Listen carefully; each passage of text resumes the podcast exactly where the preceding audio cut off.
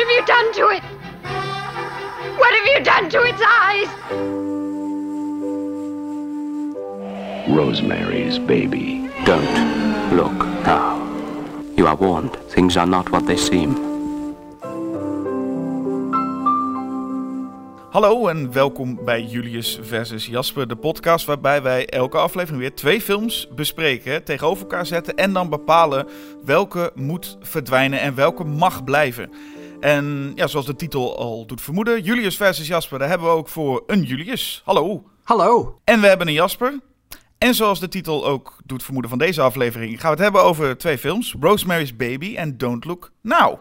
We hebben het uh, twee, uh, twee afleveringen geleden uh, steeds over Nightmare on Elm Street gehad. Wat ik een beetje voelde als mijn favoriete, mijn serie. Maar Julius, we gaan het dus deze keer even hebben over een van jouw grote favorieten. Ja, een beetje class up the joint na al die, na al die jaren tachtig slashers. Een beetje gewoon echt classy films. Ja, het zijn twee films die je in ieder geval heel erg waardeert. Maar als ik het goed begrijp, Don't Look Now is wel echt een film van jou die je echt na, dicht aan het hart ligt, toch? Ja, dat is inderdaad een heel belangrijke film voor mij. Ehm, ik zag hem toen ik eigenlijk nog te jong was. Toen ik 13 of 14 was of zo. En dan niet te jong in de zin van dat het te schokkend is of zo. Maar gewoon te jong omdat je dan nog niet echt die film op waarde schat. Althans, ik niet.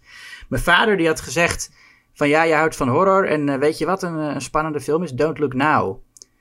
Maar ja, dat is dan zo'n vader die zijn kinderen iets aanraadt wat eigenlijk, waar ze nog helemaal niet klaar voor zijn. Desalniettemin, ik zat die film te kijken. Ik dacht, nou, ik vind hem helemaal niet zo spannend. Ik vind er niet zoveel aan. Maar toen kwam die slotscène.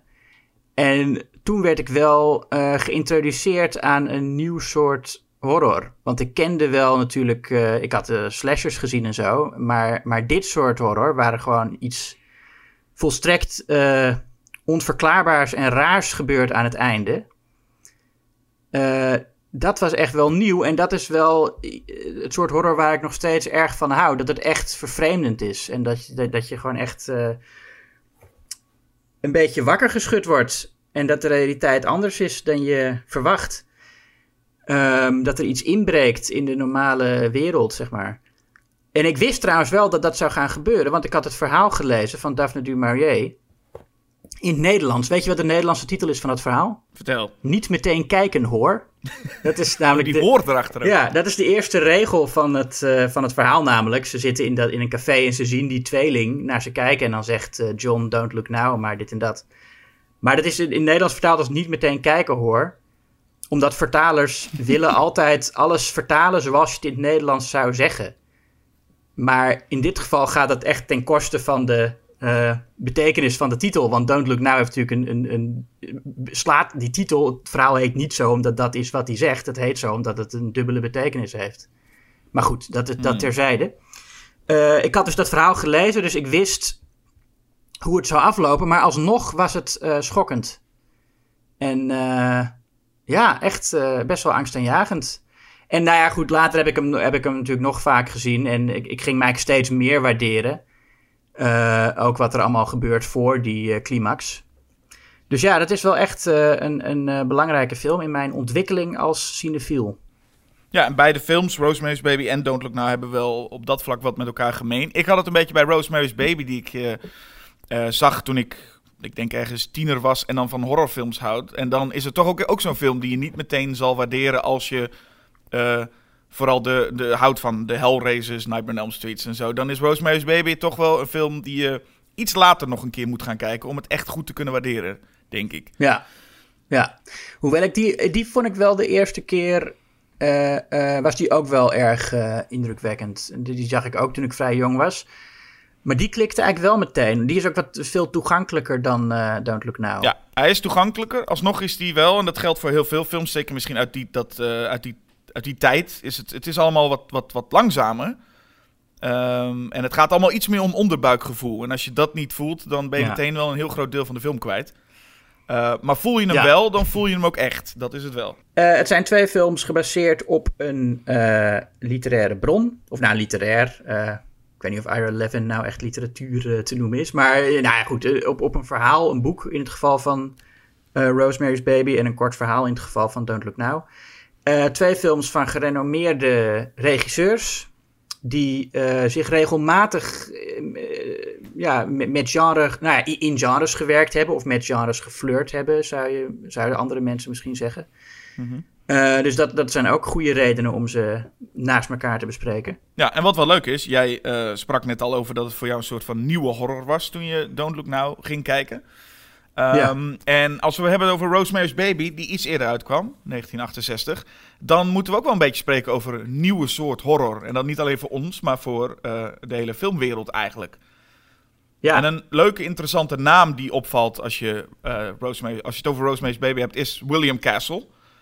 Mhm. Die eh, eigenlijk zijn meest succesvolle film had. Niet als regisseur, maar als producent. En hij was toen natuurlijk bekend, William Castle, als maker van goedkopere B-films. En hij was vooral bekend vanwege het trucje. Zoals bijvoorbeeld House on the Haunted Hill, dat hij een skelet door de bioscoopzaal liet slingeren. Of stoelen die een schok gaven met de Tingler. En Ja. het is wel bijzonder dat zijn naam uiteindelijk gekoppeld is aan Rosemary's Baby. Wat een beetje de nieuwe, eh, nou ja, nieuwe kant op ging. De horror ging een beetje een andere kant op toen, hè?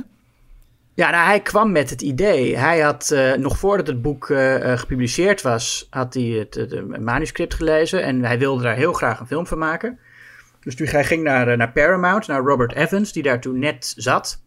En Robert Evans is een van de belangrijkste figuren in, de, in Hollywood van de jaren 70. Die heeft eh, The Godfather geproduceerd en Love Story en allemaal, allemaal grote klassiekers. Echt die nieuwe golf van Hollywood hebben we voor een aardig deel aan hem te danken. En eh, William Castle ging dus naar hem toe en zei: Ik wil graag Rosemary's Baby verfilmen. Met Vincent Price als een van de satanisten. En nou ja, weet je, hij wilde er echt een beetje. Nou, aan de ene kant een William Castle productie van maken, maar wel ook iets moderner. Omdat het natuurlijk een verhaal is dat zich in New York afspeelt en helemaal in het nu. En niet in een of ander oud somber eh, kasteel. Maar goed, die Robert Evans, die zag dat alsnog niet zitten. Die dacht, die William Castle, dat is toch wat te ouderwets die horror van hem, dat, dat doet het ook gewoon niet meer. Is niet meer zo succesvol. Dus eh eh Castle mag produceren. Maar ik wil een nieuwe regisseur daarvoor, eh, eh, eh, die, die wat meer van nu is, wil ik. Dus dan heeft hij de Poolse regisseur Roman Polanski naar Amerika gehaald voor zijn eerste Amerikaanse film. Ja, en zo gebeurde. Ja, en zo krijg je inderdaad een horrorfilm die aan de ene kant nog met, met de voeten in de geschiedenis staat. En aan de andere kant echt iets, iets nieuws doet. Maar ja, er zitten wel veel dingen in wa- waar het zowel een connectie naar, naar het verleden van horror heeft, als naar de meer eh, eh, herkenbare eh, wereld waarin de meeste horrorfilms nu gesitueerd zijn. Ja, want dat valt al, al eigenlijk op als we meteen Rosemary's Baby ingaan. En we zien ook die naam van Roman Polanski en Willem Castle. Dat is een, het is niet meer een, een, een, kasteel en spinnenwebben en dat soort dingen. Het, is een, eigenlijk een, het opent met een rustgevend liedje, genurried door Mia Farrow zelf. En van die roze sierletters die eigenlijk ons, nou ja, eigenlijk een beetje de film inslepen. Met, dit is ehm, een soort film wat je gaat kijken. Ja, En dat vond ik wel bijzonder. Ik bedoel, je zou maar niet... De meeste mensen weten het nu als je Rosemary's Baby gaat kijken. En, en waarschijnlijk toen ook al wel als je de marketing volgde. Maar je zou maar denken, hey, ik ben zwanger. Ik heb wel zin in een film over een baby. Ik ga Rosemary's Baby kijken. En die, in en die film begint, dan kun je nog best denken... Oh, dat is, waarschijnlijk Ja. gewoon een lieve, leuke, vrolijke film. Ja. Ze zouden zomaar kunnen gaan, eh, gaan zingen tijdens deze, deze film. En het, dat is de openingsscène überhaupt. Er is, er is eigenlijk nog geen enkele reden dat je gaat denken... dit gaat flink de verkeerde kant op. Nee, helemaal niet. Nee, het is, eh, wat- ja, het is echt een, een slow burner. Hij komt eh, rustig op gang. Hij, hij wil eerst gewoon de, de wereld laten zien. En laten zien hoe normaal die wereld eigenlijk is voordat hij daarin losgaat. We zien trouwens wel, en dat is meteen al over het estafette, over het estafettestokje dat wordt eh, doorgegeven gesproken. Je hebt dus William Castle en Roman Polanski. En in die openingsscène heb je eh, eh, Elisha Cook Jr. en Mia Farrow en John Cassavetes. Elisha Cook Jr. speelt de makelaar. En dat is een oude, eh, eh, ja, echt een van de leukste character actors, vind ik. Die ook eerder in heel veel film noirs en oude horrorfilms speelde. Hij zat ook in House on Haunted Hill van eh, William Castle. Mhm. Dus het is wel leuk dat hij nu meteen naast die twee moderne, na, na- ja, veel natuurlijker acteurs staat. Hè? De, zeg maar de, de oude generatie en de nieuwe generatie acteurs. Ja, en hij geeft inderdaad wat je zegt, hij geeft het stokje over. En dat is in dit geval het stokje is eigenlijk een appartement. Ja. Wat is eh, het, het, het appartement dat Rosemary en Guy Woodhouse gaan, eh, gaan eh, betrekken. En dan kom je ook meteen even de. Nou, dan leer je ook wat over hen. Guy is een acteur en, en niet, niet al te succesvolle tot dusver. En Nee. Rosemary is een. Ja, Mia, Mia Farrow. Het is een, het, is een, het is een schat. Dat is de hele tijd wat ik bedacht daar, die hele openingsscène. Het is een leuke, naïeve, gezellige dame. Ja, en heel meegaand. Dat is eigenlijk waar de hele film ook over gaat. Dat ze gewoon alles eh, wat, wat haar man en andere mannen om haar heen adviseren, daar gaat ze in mee. Ja, en het, zit- het zit in hele kleine dingen. Op een gegeven moment is, eh, is Guy, die komt thuis van een auditie. En meteen zie je dat zij vanuit de keuken naar hem toe komt met een broodje en een biertje. Dat je echt denkt, ach, Ja. wat is, het is zo'n zo'n schat is het ook. En ze is zo blij. En ze wil ook voor de buren wil ze lief zijn. En dat is natuurlijk een opzet eh, eh, voor, voor, voor later. Maar je gunt het ook meteen. Ook, je denkt, als er ook maar iets na, na- naars met Rosemary gebeurt, dat zou ik al niet leuk vinden. Ja. Nou ja, dan hebben we nog even te gaan wat dat betreft. En dat is ook het leuke, vind ik, aan Rosemary's Baby. Ik zag hem voor de, dus voor de tweede keer nu. De eerste keer dat ik hem zag, was eh, nog dat je in een film kan zitten met...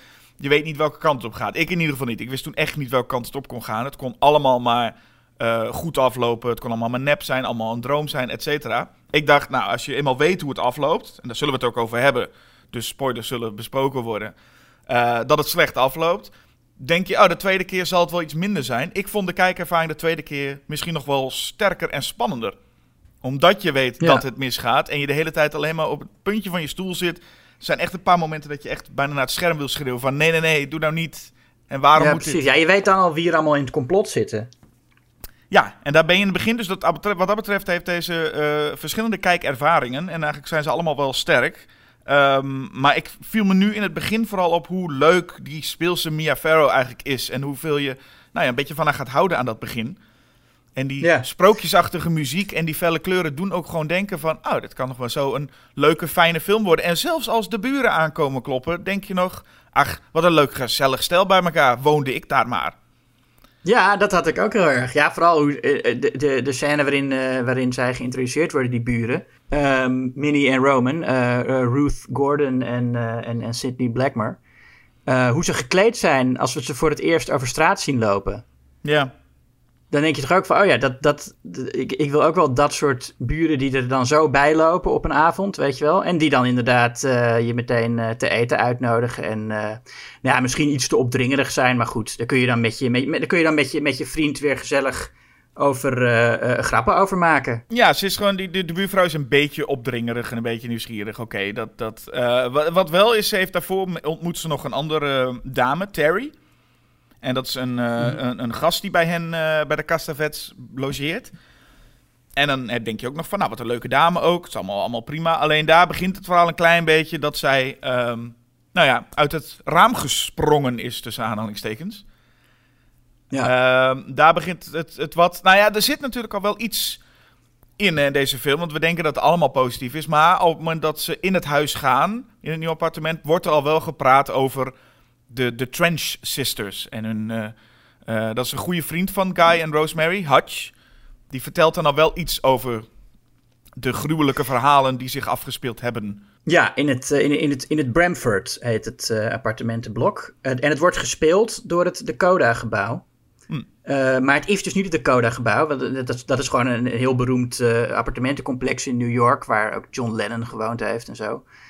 En dat, eh, eh, en dat blok, dat speelt eh, eh, ehm, het, het Bramford dus. Maar het is belangrijk om te weten dat het niet het- hetzelfde gebouw moet voorstellen... want het zou denk ik wel erg raar zijn als een, een acteur die niet zo heel succesvol is en, een, en, een, en zijn werkloze vrouw samenwonen in, in wat toch wel het mooiste appartement van New York genoemd kan worden. Ja. Overigens, de, het appartement zelf is gewoon een set in Hollywood. Dat is niet eh, daar. Alleen de buitenkant is Bramford. Of eh, Dakota dan. En dan krijg je dus, nou ja, eh, een, een, een, daardoor, door die linkjes krijg je nog een beetje het idee van, oh ja, er is misschien iets aan de hand of er zit een soort geschiedenis. Ehm, maar het, het blijft een lange tijd gewoon goed gaan. Ze gaan inderdaad lekker eten bij de Castavets, denk je ook. Gewoon gezellig eigenlijk. En Ja. Het enige wat Rosemary op een gegeven moment opmerkt is dat ze hun schilderij hebben weggehaald. Dat vindt ze nogal vreemd. Dat er allemaal haakjes hangen zonder schilderijen. En dat is het begin, wat, wat sowieso voor mij een van de positieve dingen is. Het is heel fijn dat Rosemary, ondanks dat ze toch wel overkomt soms als een heel naïef popje, denk is ze ergens ook super slim. Ze let heel erg op. En ze heeft dingen op een gegeven Ja, moment wel echt door. Je hebt het ook in de, in de scène waarin ze het appartement te zien krijgen. Dat Elisha Cook Jr. zegt van, hé, hey, hier was een kast. En daar staat dan een andere kast voor. Mhm. En dan ziet Rosemary ook dat ze die inderdaad verplaatst hebben. En dan, en dan zetten ze de, de grote kast die ervoor stond, zetten ze weg. En dan zit er inderdaad een, een, een, een hoe noem je dat? Gaan gewoon een deur in de muur met een kast erachter. Wat pas helemaal aan het einde kom je erachter waarom dat zo is. Ja. Maar Ja. dat is het eerste, de eerste keer dat, dat er iets van mysterie geïntroduceerd wordt eh, in het verhaal. Ja, en, en het is gewoon ook fijn, omdat Rosemary had ook snel een personage kunnen zijn dat de hele tijd maar zou roepen van wat gebeurt er toch, wat is er aan de hand, ik snap het niet. Maar ze is zelf ook wel slim, zonder dat ze ineens een soort Sherlock Holmes wordt, die alles maar door heeft. Ziet ze gewoon Mhm. kleine dingen als die schilderij die weggehaald zijn. Ze ziet ook meteen de hanger die ze vervolgens krijgt van haar buurvrouw. Dan weet ze meteen, hé, hey, dat is de hanger die ze van eh, die Terry heeft laten zien, die dus nu doodgevallen is. Eh, Ja. En, en nou, eh, later in de film krijgt ze ook nog eens een keer dat ze gaatjes in de oren ziet van meneer Castavet. Eh, dat zijn van die kleine, kleine dingetjes die ze in ieder geval ziet. En dan denk je, dat is wel fijn. Dat, dat je met, als kijker samen met haar een beetje dingen ontdekt. Ja. En dat maakt het ook ergens ook alleen maar akeliger. Want je kunt er niks aan doen wat er allemaal daarna gaat gebeuren. Maar Nee, het zijn ook niet dingen waarvan je meteen zou zeggen van ren weg, weet je wel. Ik bedoel, je ziet dat je, je bejaarde buurman gaatjes in zijn oren heeft. Nou ja, oké. Dat, is, dat, is, dat is opvallend, maar het is niet iets waarvan je zegt, eh, oh, die man is gevaarlijk. nee, het zijn allemaal kleine dingetjes die net een beetje off zijn of zo. Dat je net denkt van, het, is, het klopt niet helemaal. Want ze zijn allemaal zo aardig en vriendelijk en het is best wel gezellig. Eh, maar ze wint, Ja. vindt al wel snel, wat gewoon heel normaal is volgens mij... eh, de buren een beetje... Het hoeft niet te vaak. Dat ze af en toe aanbellen en dat ze denkt, nou, kom maar even niet binnen. En dat is gewoon een heel natuurlijke Ja. reactie. Dat ze merkt dat Guy namelijk ineens... Die wil eigenlijk helemaal niet naar die buren toe... als ze voor het eerst uitgenodigd worden. Eh, en op een gegeven moment wil hij wel vaker naar de buren toe. En heeft hij een soort van band opgebouwd. En dan denkt zij, oh, was het misschien fout dat ik hem geïntroduceerd heb aan deze buur? Want hij is nou ineens wel heel enthousiast. Ja. Nou ja, dat, dat, dat blijkt. Ja, die, die buren die hebben meteen door hoe ze tot Guy door moeten dringen. Hè? Want die buren, dat zijn natuurlijk eh, satanisten, kom je aan het einde achter. Ehm, en die hebben dus meteen bij het eerste diner zien ze al... oh, die Guy, dat is een acteur die niet heel veel succes heeft. We weten hoe we dit moeten aanpakken. Dus dan zitten ze meteen hem te charmeren. Ja, weet, je trouwens, want dat, is, dat vroeg me nog wel af. Terry is dus dood. Dat was een gast van hen en die is dus dood. We- wordt er ooit duidelijk gemaakt waar, wat daar nou mee, precies mee gebeurd is? Eh, nee. Ik, ja, nee. Of ze nou zelfmoord gepleegd heeft, of misschien eh, eh, door hun vermoord is. Ehm, of door andere satanisten die ook in het complot zitten. Nee, dat weet je allemaal niet. Het- Ja, het zou kunnen dat zij eerst de moeder zou worden en dat, dat, dat ze geen geschikte kandidaat was of zo. Of dat ze het, eh, dat ze het doorkreeg. Nee, want ze zijn op zoek dus inderdaad naar een, een, een, kind. En ehm, Rosemary krijgt in het begin ook de hele tijd al vragen van... hey, eh, heb je kinderen? En op een gegeven moment gaat de buurvrouw er iets verder in door... van hoe... heb, je, heb je veel neefjes, nichtjes? Oh, heel vruchtbaar. En zo. Dat, dat, je gaat, ze gaat er net iets te veel over door... waardoor je denkt, Ja. waarom interesseert jou dat? Misschien was het ook wel gewoon echt zelfmoord trouwens, die Terry. Het hoeft, niet- het hoeft niet per se deel van het complot te zijn. Nee, en je vraagt je ook af als ze de schilderijen afgehaald hebben... maar als ze een gast de hele tijd in huis hadden... heb je die schilderij dan ooit weer opgehangen? Ja, ik denk niet dat Terry daar eh, Dat boeit er verder niet. zich zo druk om maakte waarom er, waarom er geen schilderijen hangen. Ja. Nee, maar dan zouden die er ook nooit gehangen hebben, denk ik. Want Nee, precies, er hangen wel haakjes. Maar ja, dat, ik denk niet dat ze dat... eh, dat, dat, dat ja, dat, dat weet ik niet, Jasper. nee, Hè? Nee, dat weet je niet. Maar ik bedoel, hè, nou goed. Maakt ook niet uit. Eh, wat we wel weten is dat eh, eh, daarna nou ja, de, de pogingen worden gedaan die Rosemary ook al niet vertrouwt. Hè. De, ze krijgt een toetje van de buurvrouw. Die smaakt een beetje naar. Ja. En Guy wil maar dat ze die gaat. Dat ze die wel gewoon eet. En het is leuk dat je die rol. We weten allemaal straks aan het einde. En dat wordt aan het einde. Zullen we dat nog wel bespreken? Guy is een ongelofelijke lul. Ehm, Ja. Maar je bent in dat stadium nog niet helemaal. Weet je wel, als hij dan gewoon zegt van eet dat toetje door. Dat is allemaal nog niet heel erg. Hij, hij wordt niet heel erg verdacht gemaakt per se. Nee, hij wordt wel neergezet als een behoorlijk op zichzelf gerichte eh, figuur. In het begin hebben ze, nog wel, hebben ze het nog wel gezellig samen en zie je ze samen grapjes maken. Mhm. Ehm, hè, en dan gaat, gaat, gaat Guy ook eh, eh, de makelaar imiteren. Ja. Dat vond, dat vond ik een leuk moment. Dat, dat dus, je hebt dan John Cassavetes die Elisha Cook Jr. nadoet. Wat ook wel leuk is qua eh, eh, stokje doorgeven. Mhm. Maar ehm, Nee, Guy wordt, hij wordt wel steeds meer neergezet als iemand die zich niet heel erg bekommert om wat zijn vrouw nodig heeft. Nee, maar hij is nog altijd. Dat weet, dat weet Polanski wel goed te doen. Want het is een moment dat je natuurlijk eh, een extra stap kan zetten. En kan zeggen: Nou, nu laten we wel zien dat die slecht is of die slecht is. Maar hij weet dat heel goed, eh, heel voorzichtig op te bouwen. Waardoor je zelfs als het best wel ver gaat, nog steeds twi kan twijfelen aan.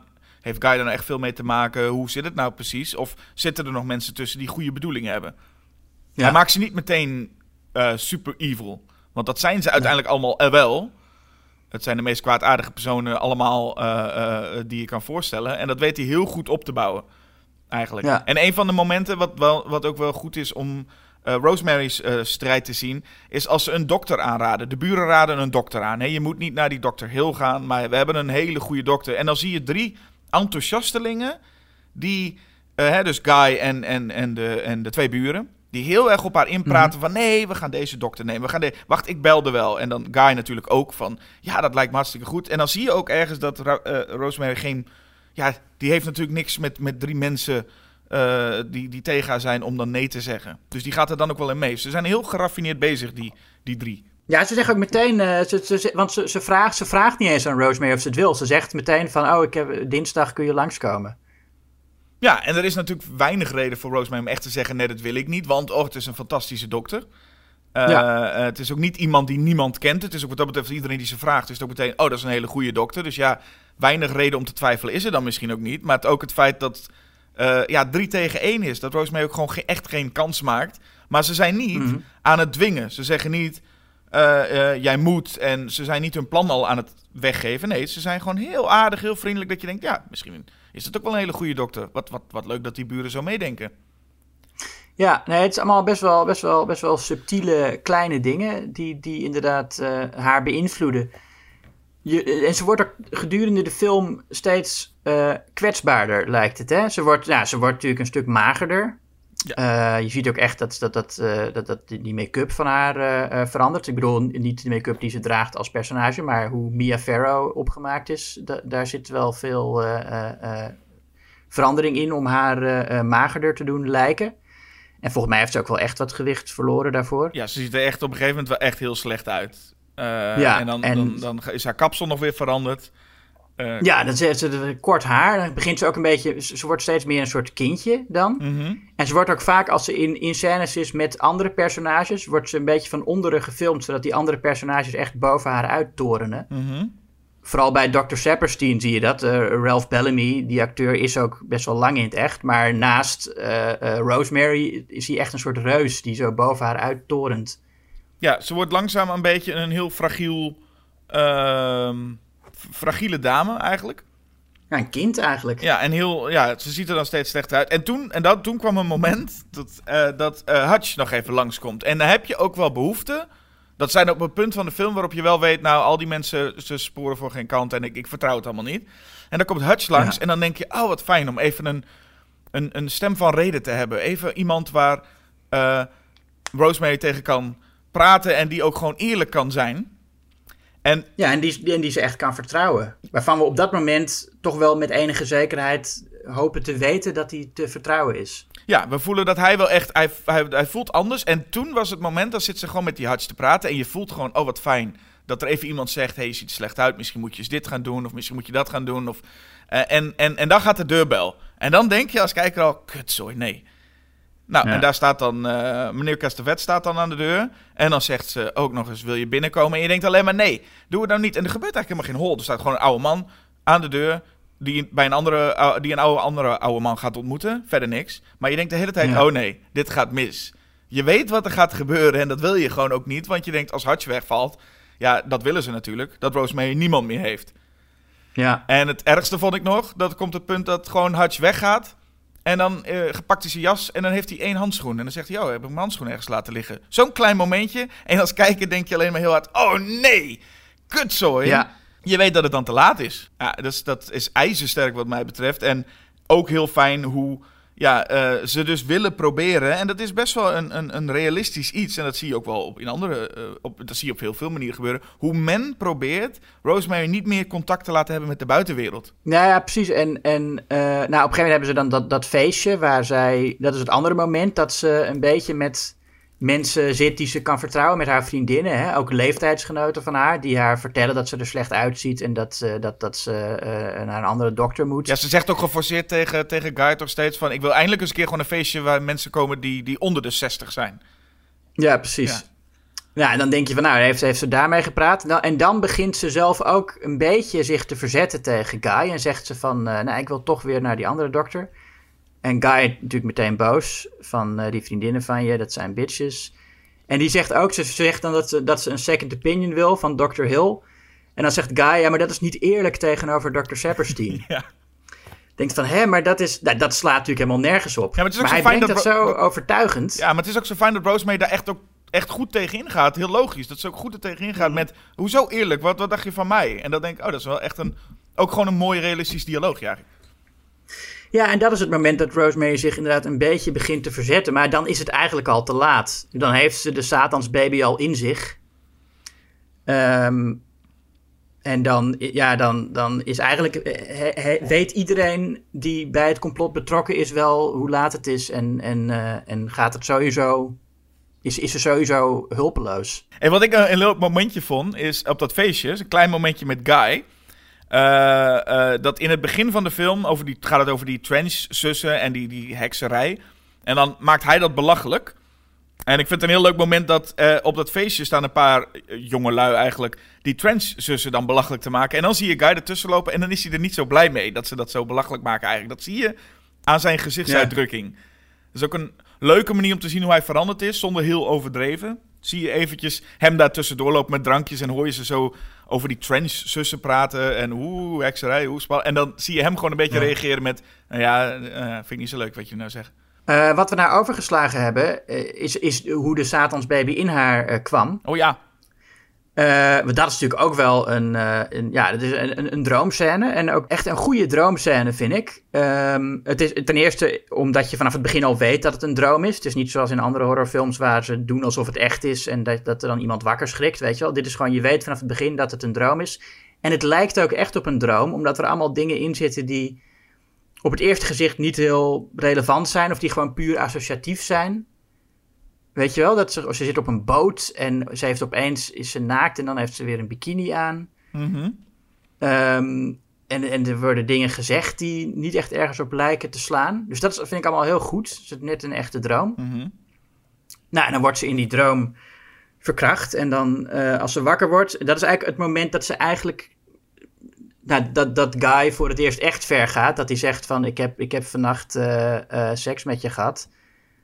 Want ik wilde, eh, want ik wilde de, de babytijd niet missen. Nou ja, en dan ook niet zomaar seks. Want de reden dat ze dat ziet is vooral dat hij seks heeft gehad met enorme Ja. krassen heeft gemaakt. Op Ja, haar. nou goed, seks, hij heeft, hij heeft haar verkracht in feite. Ja, maar dan zeg maar nog niet dusda maar ook dan nog dusdanig zo hard dat hij met dat hij nagels eh, over haar armen zou hebben gehaald. Ja. Maar de- en is het ook een van de eerste films waarschijnlijk dat eh, met waar het een bijna cliché nu vandaan komt dat eh, oude, oude naakte mensen eng zijn. Ja, ja dat zie je inderdaad. Ari Aster heeft dat helemaal, eh, helemaal hiervan gejat. Ja. Ehm, in, dan die bejaarde die satanisten die staan daar eh, in hun blootje te kijken hoe Rosemary door Satan verkracht wordt. Nu komen we wel bij een punt wat, we- wat we toch niet kunnen eh, onbesproken kunnen laten. Dat dit een film is waarin een vrouw wordt gedrogeerd en verkracht. Wat Roman Polanski zelf later ook heeft gedaan. Ja.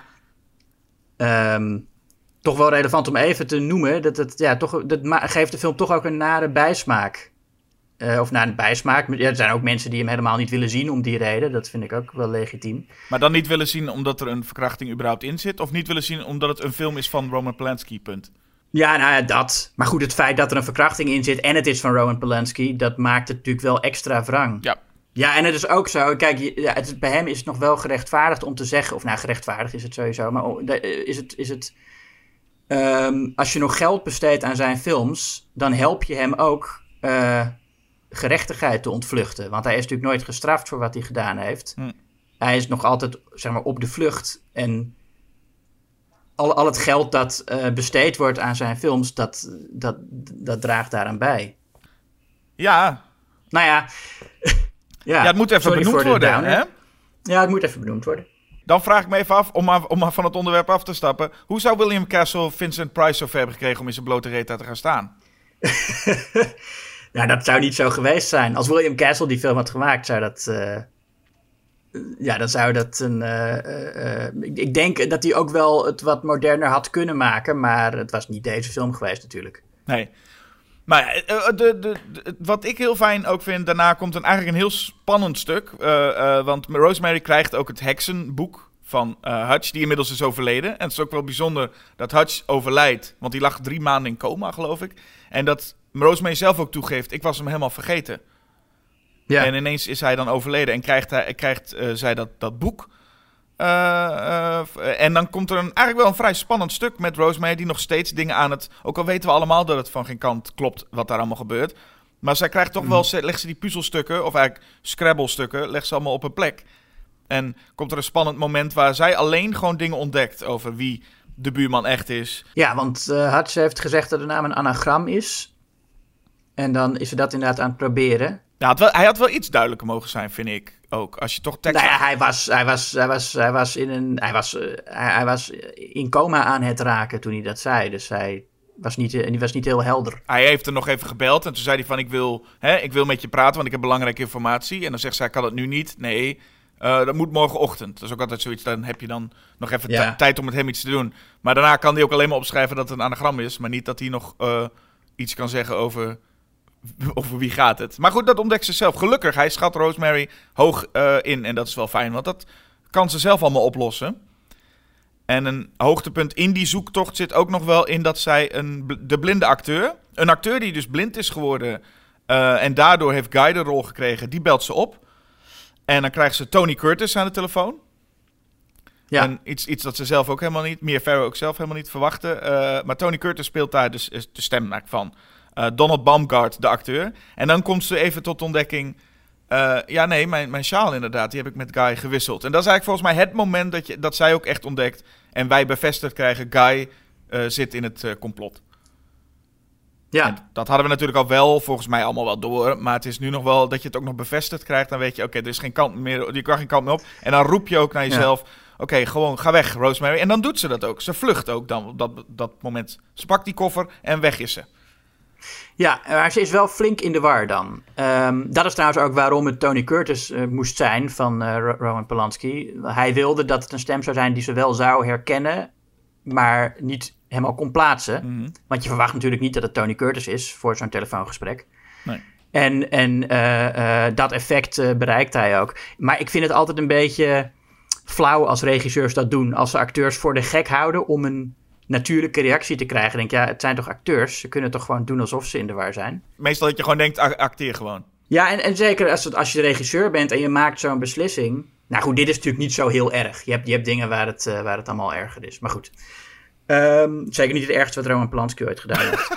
Ehm, Nee. Oké. Als het gaat om eh, misleiding. Eh, nee, maar goed, dan, dan, dan gaat ze weg. En dan, maar dan ziet ze er ook echt. Eh, ja, dan, dan is ze helemaal in de war. Dan, dan, is dat die scène waarin ze die koffer al heeft gepakt? Wanneer ze met die koffer door de gang loopt? Ja, want ze had, ze had in principe een koffer, eh, ze had een koffer gepakt voor het ziekenhuis al. Dat had ze al eh, veel te veel van tevoren gedaan. En dan op dat moment besluit ze die koffer nog extra dat boek erin te gooien en gewoon dicht te doen en weg te gaan. Ja, en dan zie je haar weglopen met die enorme koffer. En dan zwalkt ze zo door die gang. En dan is, lijkt ze opeens ook heel klein. Die koffer is veel te groot. En zij wordt, wordt heel. eh, ze, ze wordt echt een, een soort kind op dat moment. Ja. En, en, Je ziet, je denkt van een ontzettend kwetsbare eh, vrouw is ze dan. ja. En, en ook in het hele roepen naar de televisie, als je dat doet of niet, maar eh, ook eh, als je dat bij wijze van spreken doet. Ze loopt dan even door de gang heen en dan op een gegeven moment keert ze even weer terug. En je denkt alleen maar, nee, loop nou maar door, ga nou niet, stop nou niet. En dan Ja. zit ze volgens bij de dokter. En je hoopt gewoon dat ze ook al door had dat die door aangeraden dokter, dat die ook in het complot zit. En je hoopt dat ze dus bij dokter Hill zit. En dat had ik in ieder geval. Dat gewoon, ze zit bij de dokter. Ik denk, nou, die zit waarschijnlijk bij eh dokter Hill en gaat het allemaal uitleggen. Maar dan blijkt ze dus nog bij de andere dokter te zitten. Ja, Die dokter die haar eerder, eh Dr. Sepperstein, die haar eerder verteld had dat ze geen boeken moest lezen. Ja, precies. Dat vond ik ook zo mooi eh, van, hè, waarom, waarom zou een dokter dat... als, als, als je dokter je vertelt, lees nou maar geen boeken... Dan zou, ja, dan, ik zou dan vermoeden dat er iets mis is. Maar het is, het is toch realistisch dat een dokter dat in de jaren zestig tegen een vrouw die zwanger is zou zeggen van... Ga jij nou maar geen zorgen maken over, over je eigen lichaam. Hè? Dat, dat bepalen wij wel wat er met jou gebeurt. Ja, maar is het niet een beetje iets wat nu ook zou gebeuren? Dat een dokter, het zou niet heel gek zijn toch? Dat een dokter zegt, ga nou even geen internet eh, lezen als je iets hebt. Want, Ja, nou, het, dat werd mij ook wel afgeraden inderdaad. Toen ik een hersentumor kreeg, zei de dokter tegen mij van... Nou, die zei mis- misschien is het... eh, je, je moet misschien niet al te veel opzoeken. Of niet al te veel willen opzoeken daarover. Maar het is niet zo dat ze zeggen... eh, Ga er absoluut niks over lezen. nee, er wordt nog wel een tikkeltje verdacht dan. Van je mag echt Ja. niks erover lezen. En natuurlijk, eh, je buurvrouw maakt een drankje en dat moet je gewoon drinken. Je krijgt verder geen pillen. Mm. Ehm, maar dan, dan is het door de hanger en de geur, dat is dan een klein beetje eh, toevallig, maar ja, dat, dat kan. eh, komt ze erachter, dan erachter dat de dokter ook in het complot zit. Eh, en dan denk je op zijn minst nog, gelukkig, het is nog op tijd. Je kan nog naar Dr. Hill toe. En dat gaat ze ook doen. Naar een, een kleine bijrol van een hele jonge Charles Grodin. Ja, Die ik helemaal niet herken. ja eerst, gaat ze, eerst gaat ze hem bellen. Ja, ze, gaat- oh ja, ze gaat hem eerst bellen, want we krijgen... Dat is een van de beste scènes van de film, vind ik. Ja, dat ze in de telefooncel staat. Ja, Ja, is ook rete spannend. Ja, Ja, het is heel spannend. En het is, heel, het is ook heel mooi gespeeld. eh, wat ze daar allemaal doet. Het is allemaal, in, eh, ik geloof, in één shot. Het, is aan de ene kant, het klopt allemaal wat ze zegt. En je denkt ook, ja, dat, dat is best geloofwaardig. Maar ze klinkt heel gek. Ze klink, als, je, als, je, als je door haar gebeld wordt en dat verhaal van haar hoort als, als dokter. Mhm. Dan denk je, oh, deze vrouw is, die, die is waarschijnlijk eh, is een beetje in de war. Ja. En dat is ze ook wel, maar het klopt wel wat ze zegt, maar het is tegelijk overtuigend dat je het niet zou geloven. En ondertussen zijn er ook nog, nou ja, dat, je krijgt op een gegeven moment het vermoeden dat Dr. Sapperstein bij die telefooncel staat. Er staat opeens een, een man met zijn rug naar de telefooncel. Ja. En eh, volgens mij, ja, dat, dat is ook wel de bedoeling dat wij weten dat dat Dr. Sapperstein is. Tot we zien dat het William Castle is. En dan denken we, oh, het was William Castle maar in een cameo. Ja, eh, ja, precies, met zijn, met zijn sigaar, Met- zijn handelsmerk. Hij denkt, ik wil Eh, toch in de beste scène van de film, dan wil ik ook even met mijn Ja. bek in eh, staan.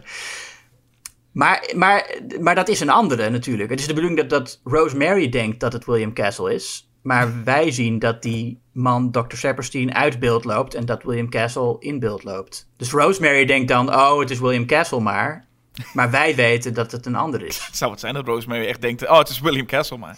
Maar ik denk dat die, Ja. wat wel bij zo'n scène ook is, je hebt dan natuurlijk een heel stukje geweldig acteerwerk van Mia Farrow in, in die telefooncel.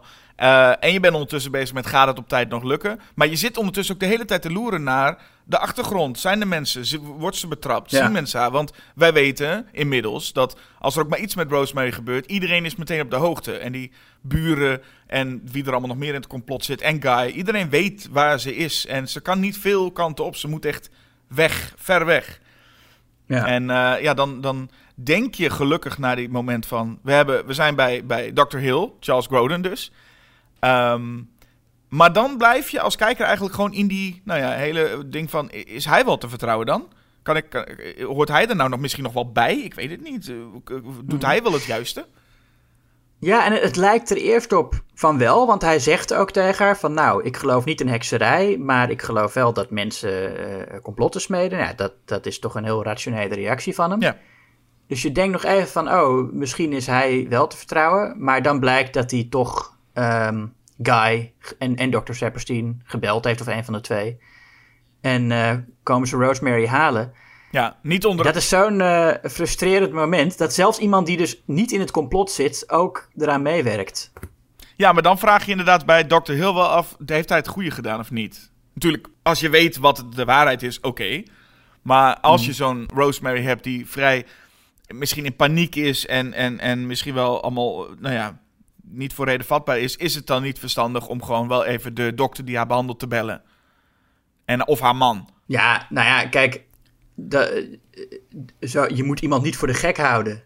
Weet je, hij, hij had, hij, het is natuurlijk niet verantwoord dat hij tegen haar zegt: eh, Oh ja, dat is goed, je gaat naar een ziekenhuis en vervolgens eh, die, die twee mannen laat komen. Nee, Hij, hij zou dat met haar moeten bespreken. Dat zou een, een, een goede dokter doen. ja, dat is waar. Maar goed, het is, ik neem hem niet te veel kwalijk. Maar ik snap wel dat je op dat moment, vooral als kijker, ook gefrustreerd bent van... Oh, nee, er is toch echt geen ontsnappen aan. Ja, nou, het is, ja, het is natuurlijk ook een beetje commentaar op het seksisme. Hè? Dat, dat, daar zit een zwangere vrouw die heel kwetsbaar is. En, ja, en, en, en dat, dat de mannen dan wel besluiten wat goed voor haar is. Ja. Ja, nee, en dan weet je ook op dat moment, hè, dat is ook de ontsnappingspoging van Rosemary, dat is ook de laatste. Je weet ook gewoon van, nu, nu wordt ze zodanig in de gaten gehouden. Nu, nu zal er geen, eh, nou, nu, nu moet het maar gewoon gebeuren. Nu moet eh Kinneke Duivel maar, maar geboren worden, schijnbaar. En dat weten we natuurlijk nog niet helemaal. Hè? We weten nog niet, als kijker, als je dit voor het eerst ziet, weet je nog niet per se van, het is het kind van de duivel. Nee, wat, wat, nee precies. Want dat wordt. eh, nu weet voor mij iedereen die de film gaat kijken dat wel. Maar in de film wordt eerst gesuggereerd dat ze de baby willen gebruiken in een ritueel. Dat is wat, wat Rosemary ook vermoedt. Hè? Van, oh, dus ze willen babybloed gebruiken, ze willen mijn kind afpakken en vermoorden. Ja. En daar dan een of ander eh, heksenritueel mee doen. Wat ook heel fijn is, want het zou ook wel nog. Hij maakt haar natuurlijk nog geschriften als ze zou roepen: eh, Het is het kind van de duivel. Dat is een Ja. tikkeltje te bovennatuurlijk. Of eigenlijk is dat het enige bovennatuurlijke aan de film dan. Ja. En dat, eh, maar dat, dat krijgen we in een, een van de, ja, de bekendste scènes, denk ik wel. Eh, de, eind, of een, ja, de eindscène. Maar nou sla je nog een heel spannend stuk over dat ze in bed ligt en, en, en dat ze En natuurlijk. ver- verteld wordt. Want dan, dan zie je ook dat ze zelfs in die staat, als ze dus net een kind gebaard heeft, waar, waar ze, de- terwijl ze bewusteloos was. ehm, en dan wordt ze wakker en dan, en dan komen eh, Guy en Dr. Sepperstein en die zeggen, ja, het kindje is overleden. Ja. En nou, dan, eh, dat, dat vertrouwt ze natuurlijk niet. En dan zie je ook dat heel slim is wat ze doet. Dat, dat ze, eh, ze krijgt dan allemaal pillen en die, nou, die verstopt ze gewoon. Maar wat, wat, eh, wat ik een van de mooiste dingen vind, is ze moet dan haar moedermelk afgeven. Want ze heeft al die moedermelk en ja, die, die, moet, die moet eruit. Ook als het kind dat niet op kan drinken, moet dat er op een andere manier uit. Dus dat pompt ze zo af. En dat geeft ze dan aan een van de vrienden van de Castavets die zijn komen helpen. Die, die zegt van ja, die moedermelk, oh, dat ga ik gewoon allemaal weggooien. Ja. En dan zie je dat Rosemary op een gegeven moment, terwijl ze die moedermelk geeft, stopt ze zo een theelepeltje in de melk. En dan zegt die vrouw, waar, hey, oh, oh, niet doen. En dan zegt Rosemary, oh, waarom niet? Ja. Ehm, dus dan is ja, dat is toch mooi dat ze ook op die, op, op, op, zelfs op dat moment nog dat soort listen kan verzinnen. ja, ze blijft bezig met die puzzel eh, eh, oplossen, Ja. toch? En Guy blijft trouwens ook op dat moment een ontzettende lul naar haar. Want het kind is dood. dat zegt hij dan. En dan zegt hij, nou, ik, eh, ik, ik ga nu even weg. En dan laat hij er zo alleen achter. Je zou het verwachten als, als, je, eh, ja, als je vrouw een dood kind gebaard heeft. Dat je als man wel iets... eh, ja, of ja, het is ook jouw kind dat je verloren hebt dan. Eh, de, hè, dus het is natuurlijk in, in dit geval niet echt zo. Maar dat is de rol die hij nog steeds speelt. Van ik heb ook een kind verloren. Ja, maar hij lijkt daar ook Maar niet het lijkt meer- hem echt niks te kunnen schelen. Hij lijkt daar op een of andere manier, wat toepasselijk is voor zijn personage, niet meer echt te acteren meer. Dat hij denkt van, ik, ik, ga, dit, ja, ik ga niet zo meer mijn best doen om helemaal geloofwaardig... Want het kind is er. En eh, ik heb, eh, nou ja, het, Ja. het, is, het is al ja, nee, gelukt. het, het, het, het is gelukt en, ik heb, eh, en, en mijn bijdrage is geweest. En ik heb gekregen wat ik ervoor wilde. Ja. Ehm, dus nee, hij, hij doet dan ook echt niet meer zijn best om Rosemary te doen geloven dat hij nog iets om haar geeft. Ik vind het het meest, dat is echt het meest hilarische. Later dus krijgen we, ontdekken we wat er echt aan de hand is. Hè? Rosemary komt in de kamer met, met alle buren en dan zien we de secte. En we zien de Ja. duivelbaby. Al- althans, die zien we nooit, dat is wel fijn. We, we horen alleen maar Rosemary erover praten. En dat is natuurlijk Ja. een hele sterke keuze. De zin, puur de zin, what have you done with its eyes, is eh, enorm krachtig, omdat je dan als kijker alleen maar gaat invullen van, oh jee, hoe zou dat er dan uitzien? Ja, we krijgen wel heel even een soort shot tussendoor van demonische ogen. Maar volgens mij moet dat Satan zelf voorstellen. Is dat een soort flashback die ze heeft naar Nadat ze het moment waarvan ze dacht dat het een droom was? Ja, ja, precies. En wat, wat dan? Oké, dan heb je dus al dat hele ding dat iedereen ook daar gaat roepen. Al die mensen, hè, die hoeven ook niet meer een rol te spelen. Dus de, de schilderijen hangen ook weer aan de haakjes. Maar iedereen hoeft Ja. geen rol meer te spelen. Dus allemaal zie je al jouw lieve buren, waar je een tijdje geleden nog, eh, maanden geleden nog mee eh, hebt zitten dineren, die roepen ineens allemaal heel Satan.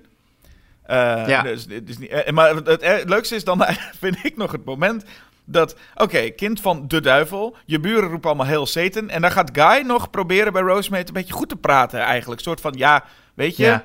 we krijgen er ook best wel wat voor terug hoor. En, en ach, Ja, je ziet hem, je ziet hem eerst als een soort. Als een soort eh, het is echt heel, heel laf. Want op het moment dat zij alles ontdekt, dan zie je hem zo een beetje wegkruipen. mhm. Weet je wel? Terwijl, de buren vertellen van ja, kind van Satan, dit en dat. Dan zie je Guy op de achtergrond zo een beetje ja, eh, proberen te vluchten. ja. Maar dan gaat Rosemary op een stoel zitten en dan komt hij er inderdaad bij. En dan is het ja, nog steeds een ontzettend, ontzettende lul. Ja, maar dan, maar dan ook onder het mom Ja. dat hij nog een poging doet. Dat je, dat je denkt van... eh, Rosemary is, is, is, nou ik denk wel, wel letterlijk en figuurlijk door een hel gegaan.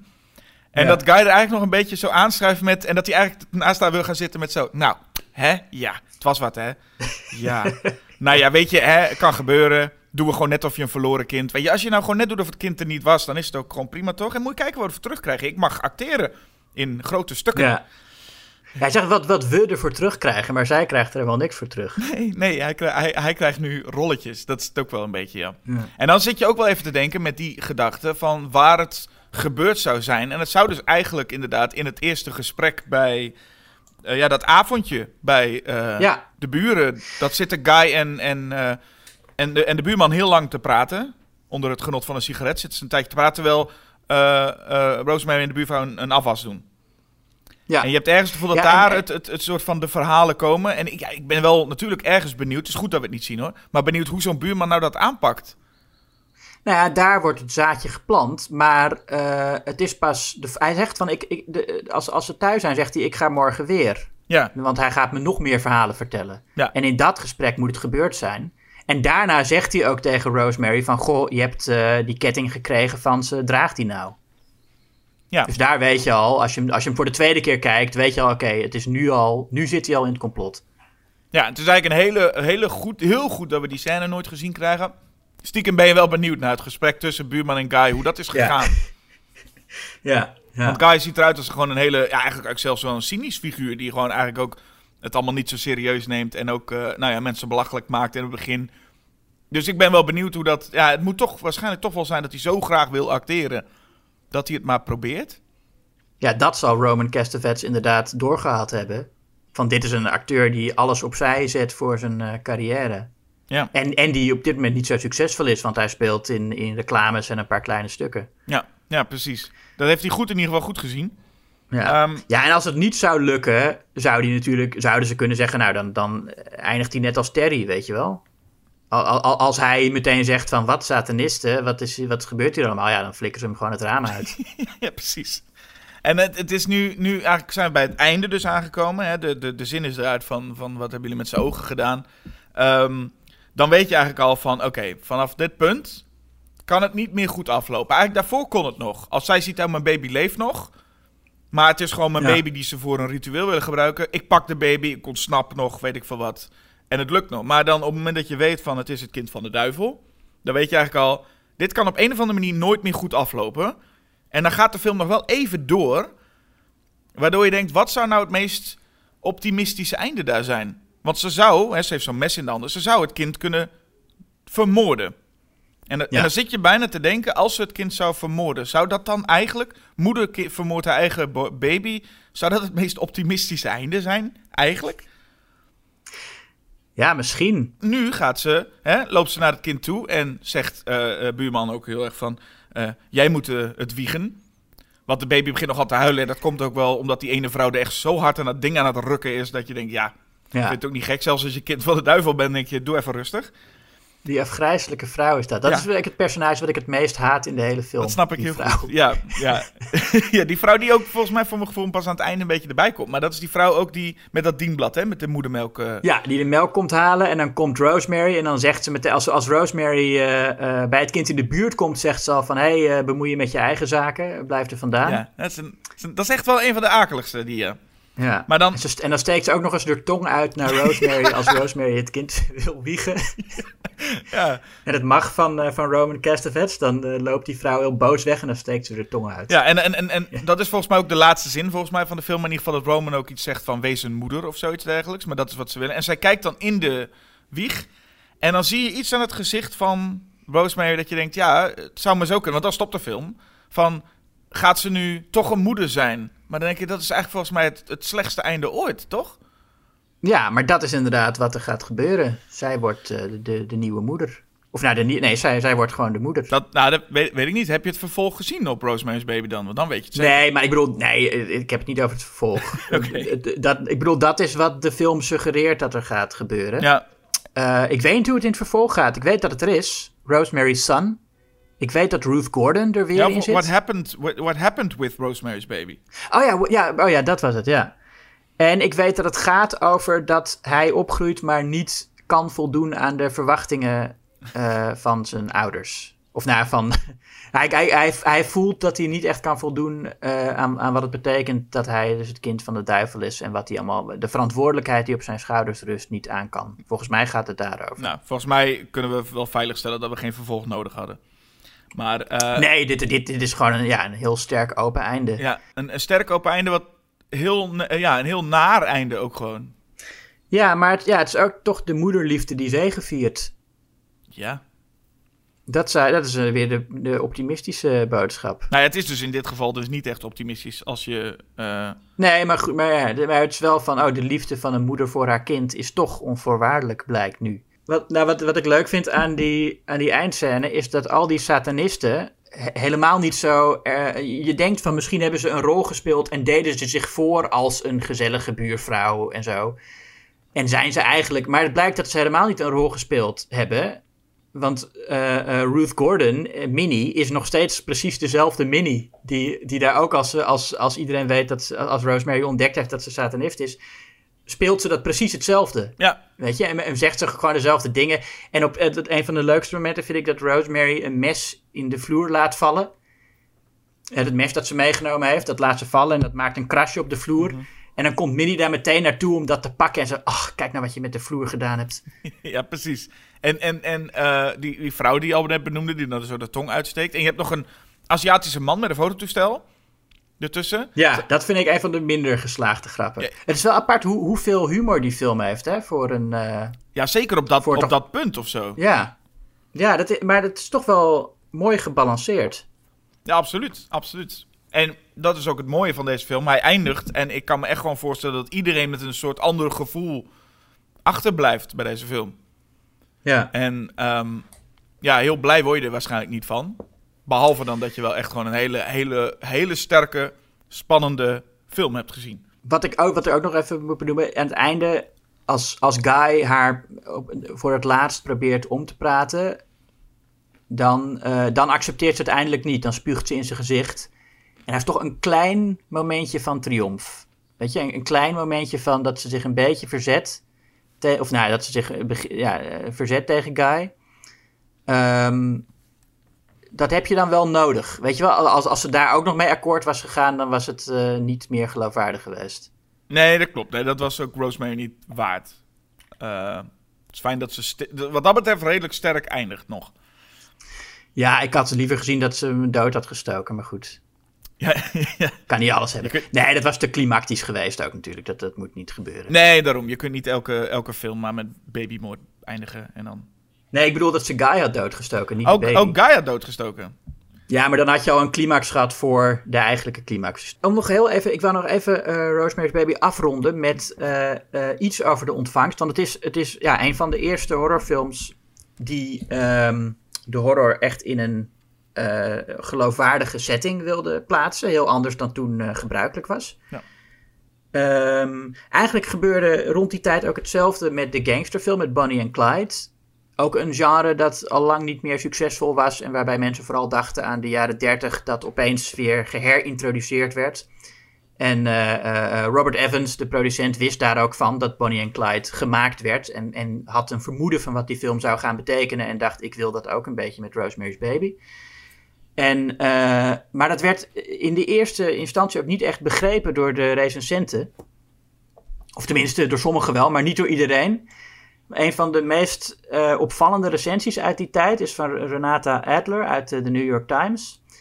En die zei: uh, The movie, although it is pleasant, doesn't seem to work on any of its dark or powerful terms. I think this is because it is almost too extremely plausible. The quality of the young people's lives seems the quality of lives that one knows, even to the point of finding old people next door to avoid and lean on.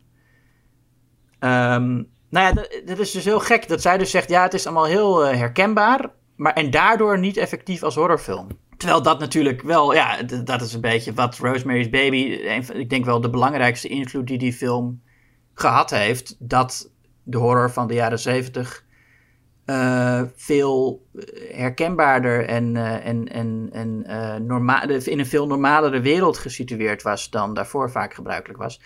En daarvan is ook Don't Look Now natuurlijk een goed voorbeeld. Ja, maar je noemde het al, Don't Look Now. Ja. Nou, laten we daar maar eens in springen dan. Hmm. Want uh, we hebben nu zoveel lof over Rosemary's Baby gehad, dat je bijna denkt... Hè, en jij uh, neemt het nu op voor Don't Look Now en ik voor Rosemary's Baby. We hebben zoveel complimenten gegeven. Hoe kan dat nog meer bij Don't Look Now? Ja. Ja. Ja, nou ja, uh, ja omdat het een betere film is, Jasper. Ja. Nicholas Roeg, uh, ontzettend goede regisseur. Dit was zijn, uh, zijn derde film. Het is wel even goed om te horen hoe je, het, hoe je zijn naam uitspreekt. Ik heb daar heel lang over gezeten met hoe zal dat nou zijn. Rowick. Ja. Ik, ik kan ook, ik zie dat ook steeds in mijn notities staan. Ik kan er ook niet over, om steeds roeg te zeggen. Maar, nee, het is Rowick. Ja, ja, ik vind dat we dat best mogen doen. Een beetje op zijn Amerikaans. Ze zeggen, Amerikanen zeggen ook Paul Verhoeven. Zeggen ook niet Paul Verhoeven. Ja, maar dat zegt hij zelf ook als hij Engels praat. Dat vind ik zo raar. Echt waar? Oh. Ja, hij zegt zelf, Paul terwijl de, de oe-klank is voor Amerikanen toch niet moeilijk, zou je zeggen. Nee, wel, dat, dat kunnen ze wel. Hoover, dat kunnen ze gewoon. Alleen ja. dubbel O. Nou ja, hoe dan ook, uh, Broek. Yes, Nicholas Broek. Ja. Ja, en ik vind het eigenlijk, uh, hij is een van de regisseurs die het, uh, het meest bezig is met um, wat je allemaal kunt communiceren via film dat niet via andere media kan. En dan vooral in zijn montage. En dat zie je al in, uh, in, in Performance en Walkabouts, de eerste films.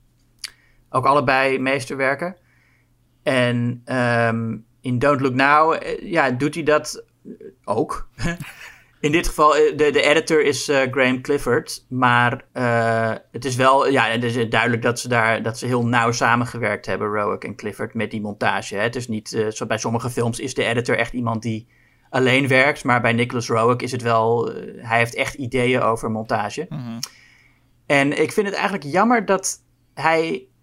Uh, dat zijn invloed niet groter is geweest op dat gebied. Je ziet hem zoveel doen...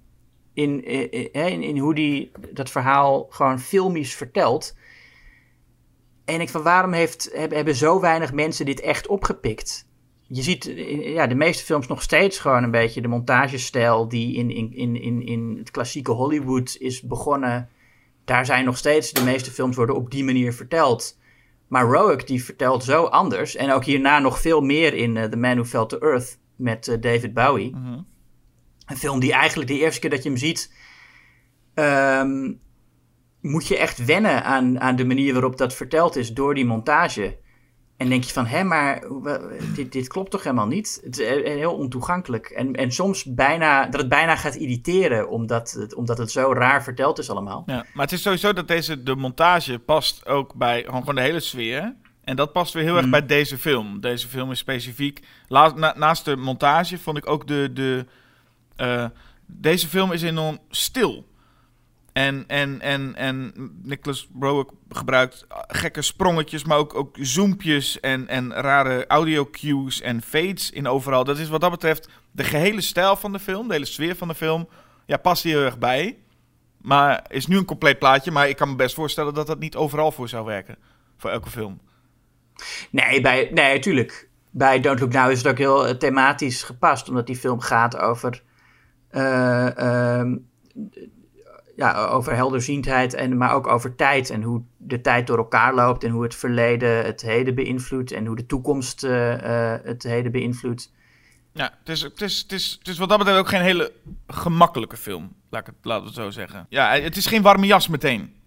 Nee, nou voor Rowick's doen is het nog wel eh, redelijk gemakkelijk. Het is niet zo vervreemdend als Man Who Fell to Earth of eh, Walkabout. Dat ook een, heb, je, heb je die gezien? Nee, die heb ik niet gezien, nee. nee. Ja, die is ook heel goed. Maar die heeft ook, eh, er zitten momenten in het begin dat je denkt, wat gebeurt hier nou? Nou, Don't Look Now is wel een van zijn toegankelijkere films, durf ik te zeggen. Niet zo toegankelijk als The Witches, die wij eerder ook hebben besproken. Nee, maar wat betreft kinderfilms of familiefilms is The Witches weer wel minder toegankelijk dan... eh, Dat zie je, Ja. zie je die stijl van Rogue wel echt terug in The Witches. Ja, ja Rogue heeft dus echt hij heeft twee van de belangrijkste films in mijn eh, ontwikkeling, eh, in, in mijn prille jeugd als cinefiel heeft hij gemaakt. The Witches en eh, Don't Look Now. Ja, en wat, Ehm. wat ik hier vooral opvalt, dat is als we dan de openingsscène, een van ook, eh, nou ja, er zitten wel wat iconische scènes in. Zie je hier ook al meteen het voorbeeld van ook die stilte. En die gebruikte die in The Witches ook wel. Waarbij je normaal denkt, zeker bij zo'n familiefilm als The Witches, maar ook hier, dat eh, een, een film vaak dichtgesmeerd zit met muziek.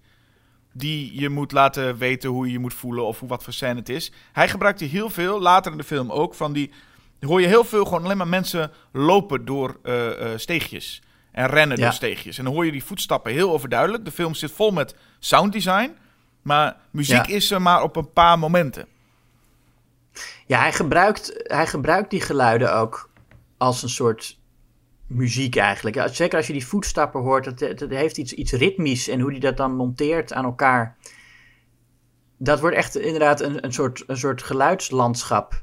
Dat die film heel veel sfeer. Het is niet alleen maar functioneel of dit is het geluid dat het maakt als je rent. Het is, wordt echt een landschap wat die film eh, sfeer geeft. Ja, en de, nou, de, de film opent eh, meteen, want dat zouden we bij, bij Rosemary's Baby nog.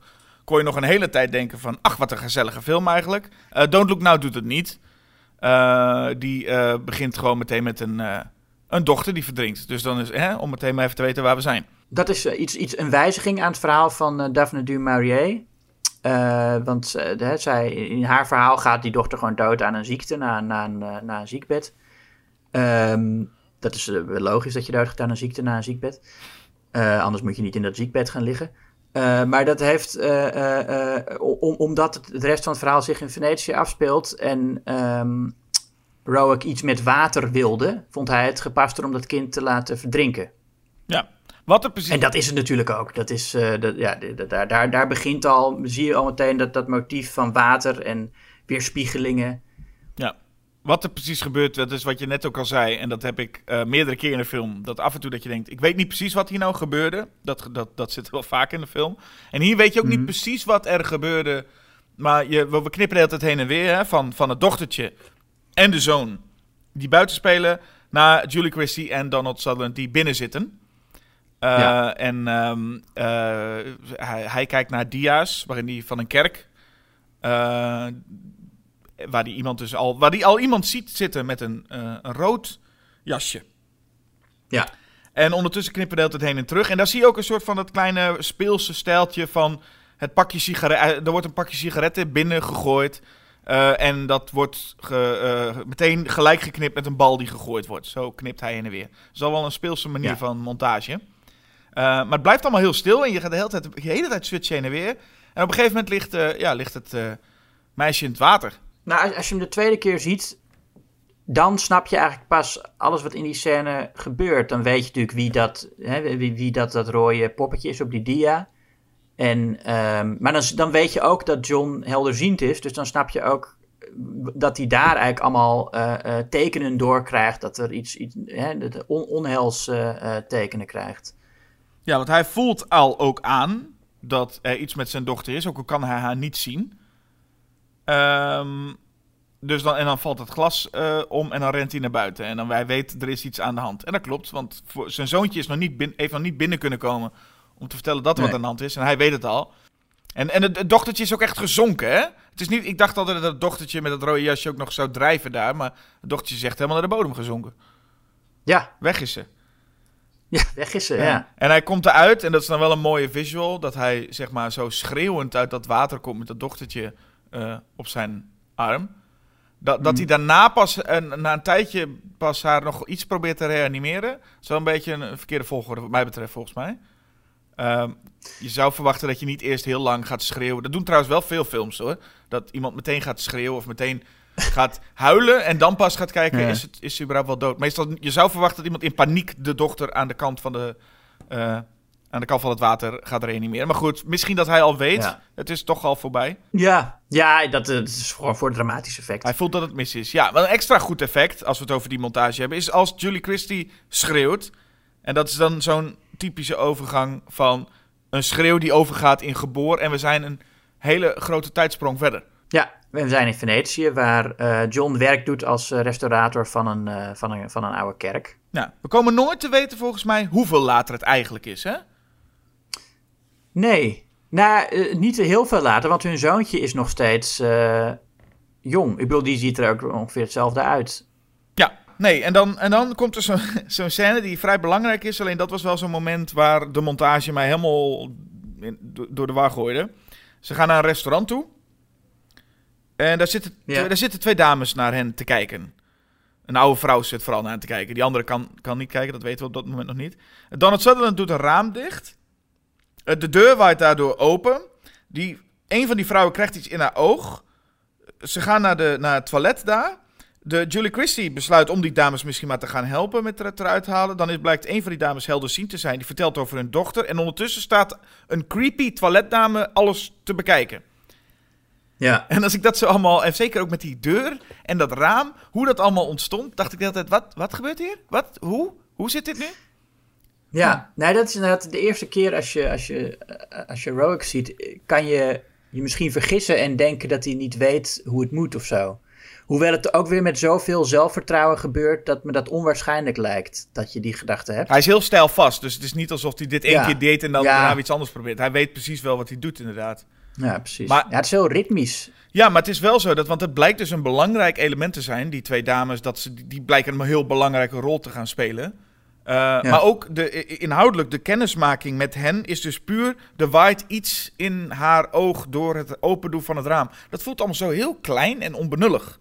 Maar het Ja. is schijnbaar wel heel belangrijk, want als dat nooit als, als Donald Sutherland nooit het raam dicht gedaan had, was dat misschien allemaal niet gebeurd of zo. Ik noem maar wat. Terwijl er toch wel een ontmoeting is waar heel veel van afhangt voor de rest van de film. De ontmoeting van die twee eh, zussen. Ja, nou ja, precies. Er gebeurt heel veel, eh, eh, eh, heel veel ja, voortekenen en, en alles staat met elkaar in verbinding. Maar tegelijk is het allemaal zo klein dat het niet ongeloofwaardig wordt dat, ze, dat, Donald Sutherland niks doorheeft. Weet je wel? Het is niet, want hij krijgt de hele tijd voortekenen van wat er gaat gebeuren. Maar je denkt niet van, oh wat frustrerend dat hij het niet doorheeft, want het is allemaal heel klein. En inderdaad, op het eerste gezicht stelt het niks voor. Nee, en daar zit ook het grote verschil. En dat is ook waar een deel van de film wel over gaat. Ik zou nooit willen zeggen waar de film over gaat, want het gaat over. Maar volgens mij is het wel duidelijk om te stellen dat de film een groot deel gaat over rouwverwerking. En Ja. de manier waarop beide ermee omgaan. En Donald Sutherland is een beetje eh, nuchterder, lijkt het. En Julie Christie wil heel graag die helderziende dame geloven die zegt dat eh, ze haar dochtertje heeft gezien. En hij Ja, dat hij, dat hij bij hun zit en zit te lachen. ja, en hij gelooft het niet echt. Maar het is niet alsof de hele film nou rust op dat hele conflict tussen Sutherland en Christie. Van ik geloof het allemaal wel en hij gelooft het allemaal niet. Lijkt het in ieder geval niet de main focus per se steeds op te liggen. Het gaat ook over veel andere dingen voor mijn gevoel. Ja, natuurlijk. Maar dat is inderdaad één onderdeel. Maar het gaat ook over hoe zij ja, in, Venetië waarschijnlijk proberen eh, eh, weg te komen van hun, van hun rouw. En, en eh, proberen iets op te bouwen wat er vroeger was. Ik denk dat hij daarom ook eh, restaurator is. Hij, hij probeert iets te herstellen. Mhm.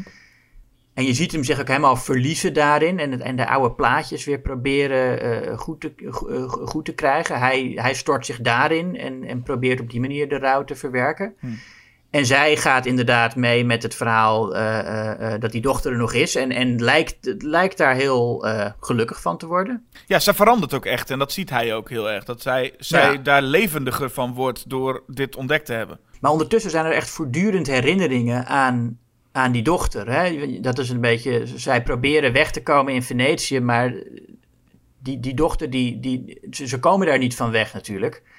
Eh, die dochter die, die blijft als een soort spook over die film heen hangen. Op een gegeven moment zie je ook dat ze de, de bal waarmee ze in de openingsscène speelde. Die heeft ook een kindje in het ziekenhuis waar. eh, eh, hoe heet ze nou? Waar Julie Christie in zit. als ja, waar, is. Laura in, terecht komt als ze is flauwgevallen. Ja. Ja, klopt. Dat viel me ook inderdaad op, van dat soort elementen. Maar het is niet alsof zij dat volgens mij heel erg ziet.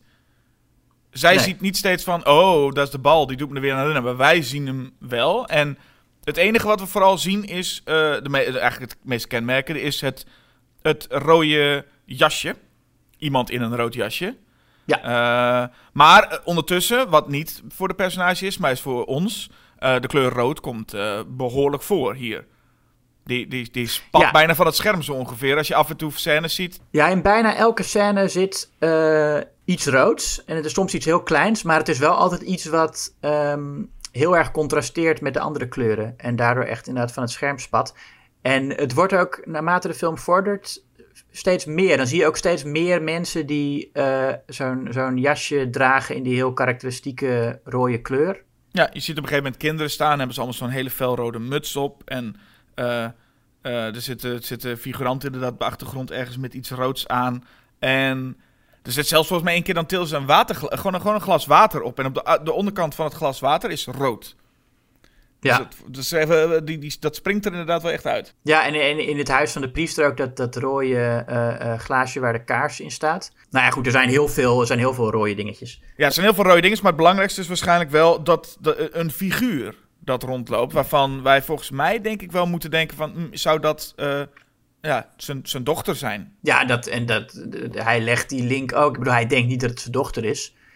Maar dat is volgens mij wel de reden dat hij, eh, dat figuurtje, dat het hem opvalt. En ehm, hij is aan het, ja, eigenlijk zit je dan toch een beetje, want dat is bij zulke films wel zo. Je hebt bij Rosemary's Baby zei al, die is veel, ook wat duidelijker in waar het naartoe gaat. En deze film is dat iets minder, dus op een gegeven moment krijgen ze het bericht dat hun zoon is eh, gevallen. Ja, En eh, eh, eh, er vallen veel mensen in deze film overigens. Want Julie Christie valt al een keer. En, en Sutherland gaat niet veel later. Zal ook nou, een behoorlijke flinke stunt krijgen. ja. En, en ja, dus, dus ze worden gescheiden op dat moment eventjes. Dat is wel op zich volgens mij een belangrijk moment in de film. Maar ik, ja, dat is gewoon zo, als je deze film dan kijkt, voor het eerst zeker. En ik voor de tweede keer, toen ik het nog steeds wel een beetje. Dat je wel een beetje zoekende bent van waar, waar gaat het precies eigenlijk naartoe? ja. Maar dat zal waarschijnlijk ook bewust zijn. Eh, ja, natuurlijk. Ja, het, is, het is een beetje. eh, De, de, de, staat van hun geest op dat moment is volgens mij ook dat Venetië, waar ze voortdurend aan het verdwalen zijn. Hè? Ze, zijn ze, ze, kun- ze kunnen ook niks vinden. Ze lopen door die, die straatjes heen en het is echt, die stad is echt een labyrint. En zo, zo ik bedoel, eh, zo, zoals Rowan hem filmt, in het echt is dat ook een beetje zo. Maar Rowan eh, ma- doet dat in de overtreffende trap. Ehm, en zo is ook het verhaal gestructureerd. Dat je inderdaad, je weet nooit echt eh, waar het naartoe gaat. Het gaat ook een beetje over, over de chaos van het leven. En van ook al krijg je heel veel voortekenen, uiteindelijk weet je niet waar het naartoe gaat, want word je gewoon eh, de keel doorgesneden. Het punt dat het ook natuurlijk in, in Venetië is, waardoor niemand of veel mensen geen Engels spreken, of gebrekkig Engels of geen Engels. Waarbij, Ja, wordt ook niet onder, al het Italiaans wordt ook niet ondertiteld. Nee, waardoor je extra als kijker ook het gevoel krijgt van, net als Sutherland, die wel een beetje, eh, zijn personage spreekt wel een beetje Italiaans, maar gewoon net, hij kan het net een beetje met handen en voeten nog wel iets uitleggen. Maar eh, dat, het- dat je ook daardoor extra eh, dat, dat gevoel krijgt van, hey, mensen krijgen geen, eh, eh, hij weet soms ook niet wat er aan de hand is, maar waar die ook is. En dat, dat voelt wel goed. Het feit dat hij ook een beetje verloren is in zo'n land waar weinig mensen de taal echt spreken. Ja, ja, niemand heeft houvast. En wij ook niet, als Nee. kijkers. Nee, behalve dus één politieagent. Dus op een gegeven moment komt hij bij, met de politieagent in contact. En die eh, acteur schijnt geen Engels te spreken. Maar die krijgt al die zinnen. kreeg hij al die zinnen, moest hij gewoon letterlijk de Engelse zinnen opnoemen. En dat voel je ook wel een beetje. Dat is een ra raar, raar sfeertje van zo'n politieagent die. Ja, hij krijgt een beetje rare teksten. Het is een beetje een rare snuiter, die, die politieagent. Ja. Dat, dat je. Ja, want hij, hij, hij, hij wantrouwt John ook. Om redenen die niet helemaal duidelijk zijn. Nee, een beetje een, een, een, een gek moment. Maar dan moeten we überhaupt misschien nog voor die tijd... Ik had het net over dat iedereen valt. Misschien nog wel een moment dat Julie Christie is eh, terug naar Engeland. En dan begint Sutherland in, het, eh, in, in de kerk een stukje muziek in eh, zo'n raam in elkaar te zetten. En dan komt er een hele goede stunt ook, hè? Want er zou iets slechts met Donald Sutherland gaan gebeuren. Ja, dat hadden de, de zussen hadden, voor, hadden gezegd dat ze weg moesten uit eh, Venetië. Ja, want er gaat iets gebeuren en nou ja, dat gebeurt er dan ook. Wij weten op dat moment, en zij ook niet, dat het niet dat moment is waar ze naar refereren. Maar het is wel een flinke stunt als je dat zo ziet. Ook, en dat komt ook omdat die film daarvoor super stil is. Dat het ineens best Ja. wel binnenkomt. Want het is de hele tijd super stil als Donald Sutherland rustig eh, even... We, gaan, we zitten rustig even te kijken naar Donald Sutherland die een, eh, stukje, ja, stukje ker- kerk restaureert eigenlijk. Hè? Ja. Dan vergeten we wel, trouwens, dan slaan we nog wel even de befaamde scène over. De seksscène. De seksscène, toch? Ja, dat is een van de beroemdste scènes eh, uit de film. Ook de reden dat de film een X-rating kreeg. En dat was vooral omdat er een moment in zit dat eh, eh, eh, John Laura oraal bevredigt. Eh, dat ging mensen te ver, hè? Dat, eh, dat is Ja, wel... dat kan, dat kan echt niet. Ja, nee, maar echt, dat is, dat is, ook, dat is ook nog steeds zo. Eh, ehm, je krijgt echt een zwaardere keuring. Als, als eh, eh, een man laten pijpen of suggereren dat het gebeurt, is prima. Maar als een vrouw gebeft wordt, dan eh, heb je de poppen aan het dansen. Daarom zat in de remake van, van Ghostbusters ook geen scène waarin Melissa McCarthy gebeft wordt, zoals Dan Aykroyd in het origineel gepijpt wordt. Puur voor de rating. ja, ja, dat is het, ja. Bijzonder. Maar ehm, ja, die scène, nou ja, die scène, ze hadden dus wel een aantal voorwaarden gesteld, hè, de, de, de Britse filmkeuring. Ehm, want hun regel was no humping. Dat, dat is letterlijk wat ze zeiden. Dus je mag niet zien dat ze op en neer gaan. En daar heeft Rowick zich aan gehouden. En dat is ook een van de redenen dat die film, of dat die scène zo goed is. Want hij heeft dat, dat, dat, dat op en neer, die beweging heeft hij vermeden. Door telkens als iemand omhoog gaat, weg te snijden naar het moment dat ze zich weer aankleden. Ja. En de- maar door, doordat het allemaal een soort matchcuts zijn, dan krijg je toch een soort ritme. waarin het wel voelt alsof, ze, alsof je ze op en neer ziet gaan. soort van. Je voelt eigenlijk dat als de seksscène bestaat eigenlijk vooral uit, uit twee mensen die niet precies weten welk standje ze nou willen en de hele tijd maar aan het wisselen zijn. En aan het, aan het, aan het veranderen zijn van positie. Maar je ziet eigenlijk niks. Want het was destijds werd het gezien als een heel expliciete scène. En eh, nou goed, ze zijn er wel allebei naakt natuurlijk. Maar je ziet lang niet zoveel eh, beweging als, als de montage suggereert dat er is. Nee. Maar toch gaat er ook al lange tijd toch een, een soort van geluiden dat dit echt zou zijn. Of dat ze echt op dat moment seks zouden hebben. Ja, dat was een, eh, belachelijk gerucht inderdaad.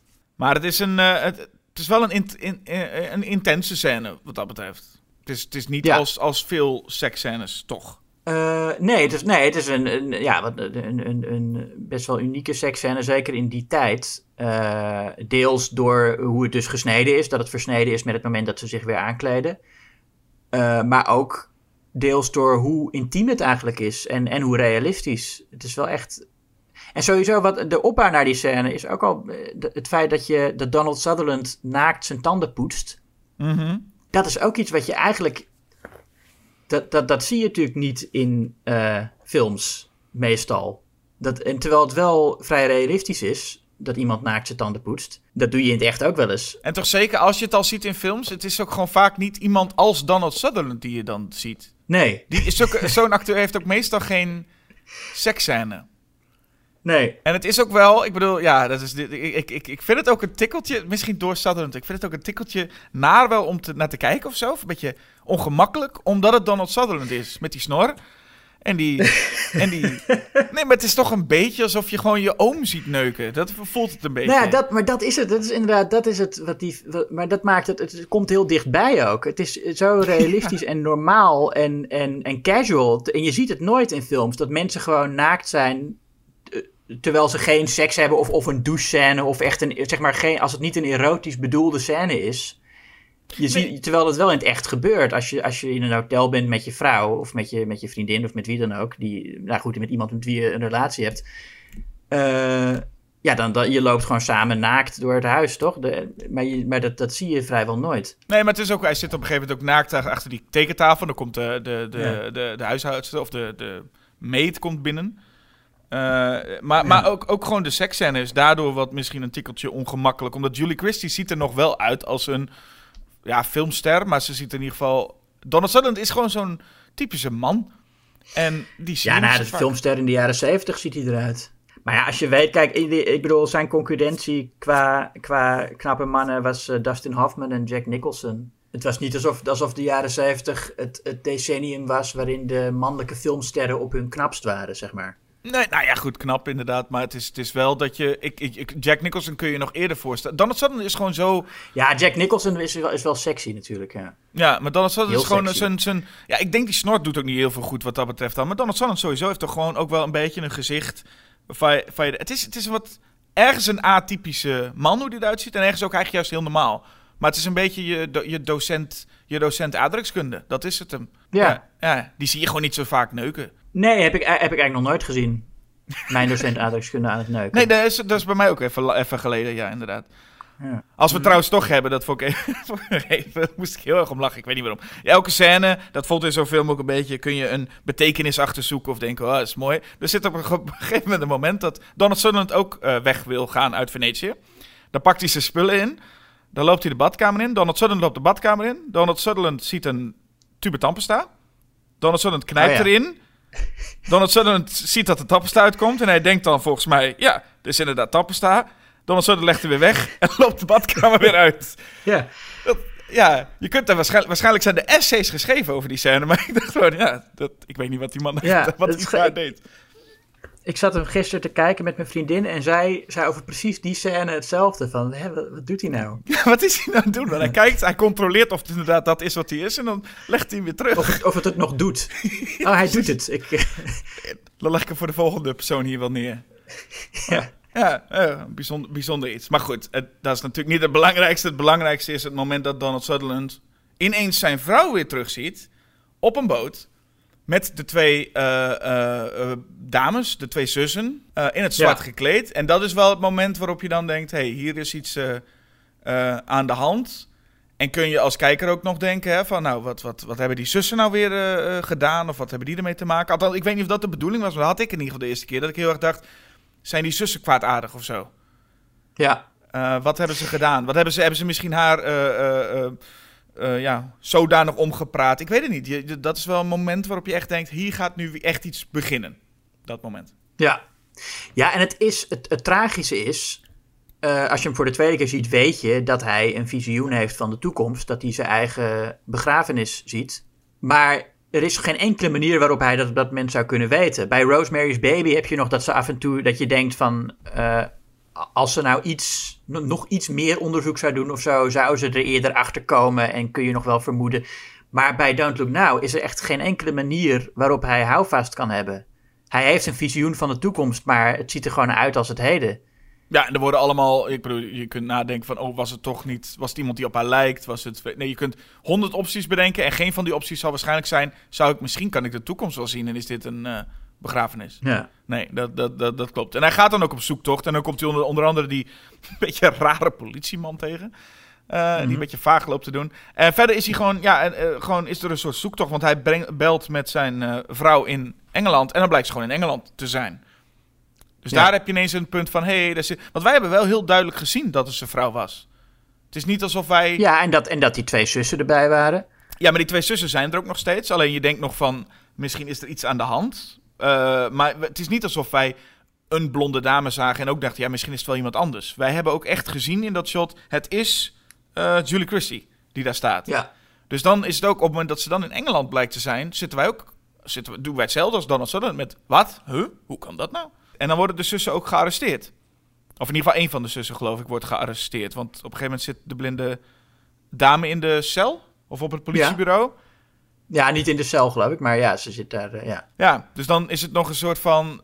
Ik, ik, ik weet niet, ik had lange tijd inderdaad, vraag je echt af, waarschijnlijk ook heel bewust, vraag je af wat die twee dames, die twee zussen, nou met alles te maken hebben. Dat komt, dat komt later op het moment dat uh, Donald Sutherland het, het, de, de vrouw weer naar het hotel brengt.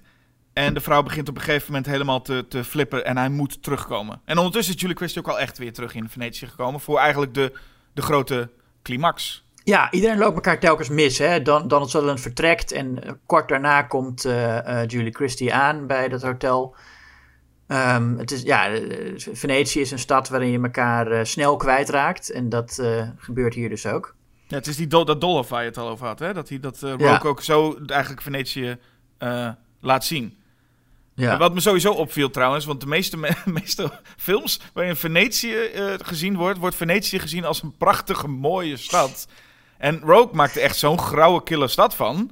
Dat ik gewoon. Ja. je, je letterlijk gewoon eigenlijk niet kan zien of er nou een scène zich afspeelt in Engeland of Italië. Nou, de meeste films die maken er echt gebruik van. Dat, oh, we zijn in Engeland. Oh, dat grauwe, vieze weer. Oh, welkom in Venetië. Prachtig. En hij, hij, hij trekt het zo samen dat je niet eens doorhebt bij welke plaats je eigenlijk bent. Het is winter, hè? Dat is ook nooit. Het wordt nooit gezegd welke, welke maand het is of zo. Maar ehm, eh, eh, de Italiaanse titel was eh, in Venetië een schokkend rode december. Oh. Dus in Italië wilden ze wel even duidelijk maken van... hé, hey, het, is, het is december, Het is hè? december, hè? dus je kunt niet gewoon weer komen in de zomer. Want het is wel. Nee, Ja. het is niet een heel. Rogue is, is, is. Het is een perfecte sfeer voor deze film. Maar Rogue is niet, moet Mhm. niet eh, ingehuurd worden om eh Venetië promofilmpjes te maken. Nou, dat zeg je nu. Ik vind het nog steeds wel een mooie stad, hoor. Ja, ik vind het nog steeds wel een mooie stad. Maar het is niet dat. Nee, ik nou, bedoel, nee, als ik hem in de film zie, heb ik wel zin. Denk ik van, oh, ik, ik moet dus naar Venetië. Ehm, ik vind het echt mooi. Maar hij, hij legt wel heel erg de nadruk op eh, hoe vervallen een aantal van die, van die gebouwen zijn. Het is echt het is een, een stad in verval.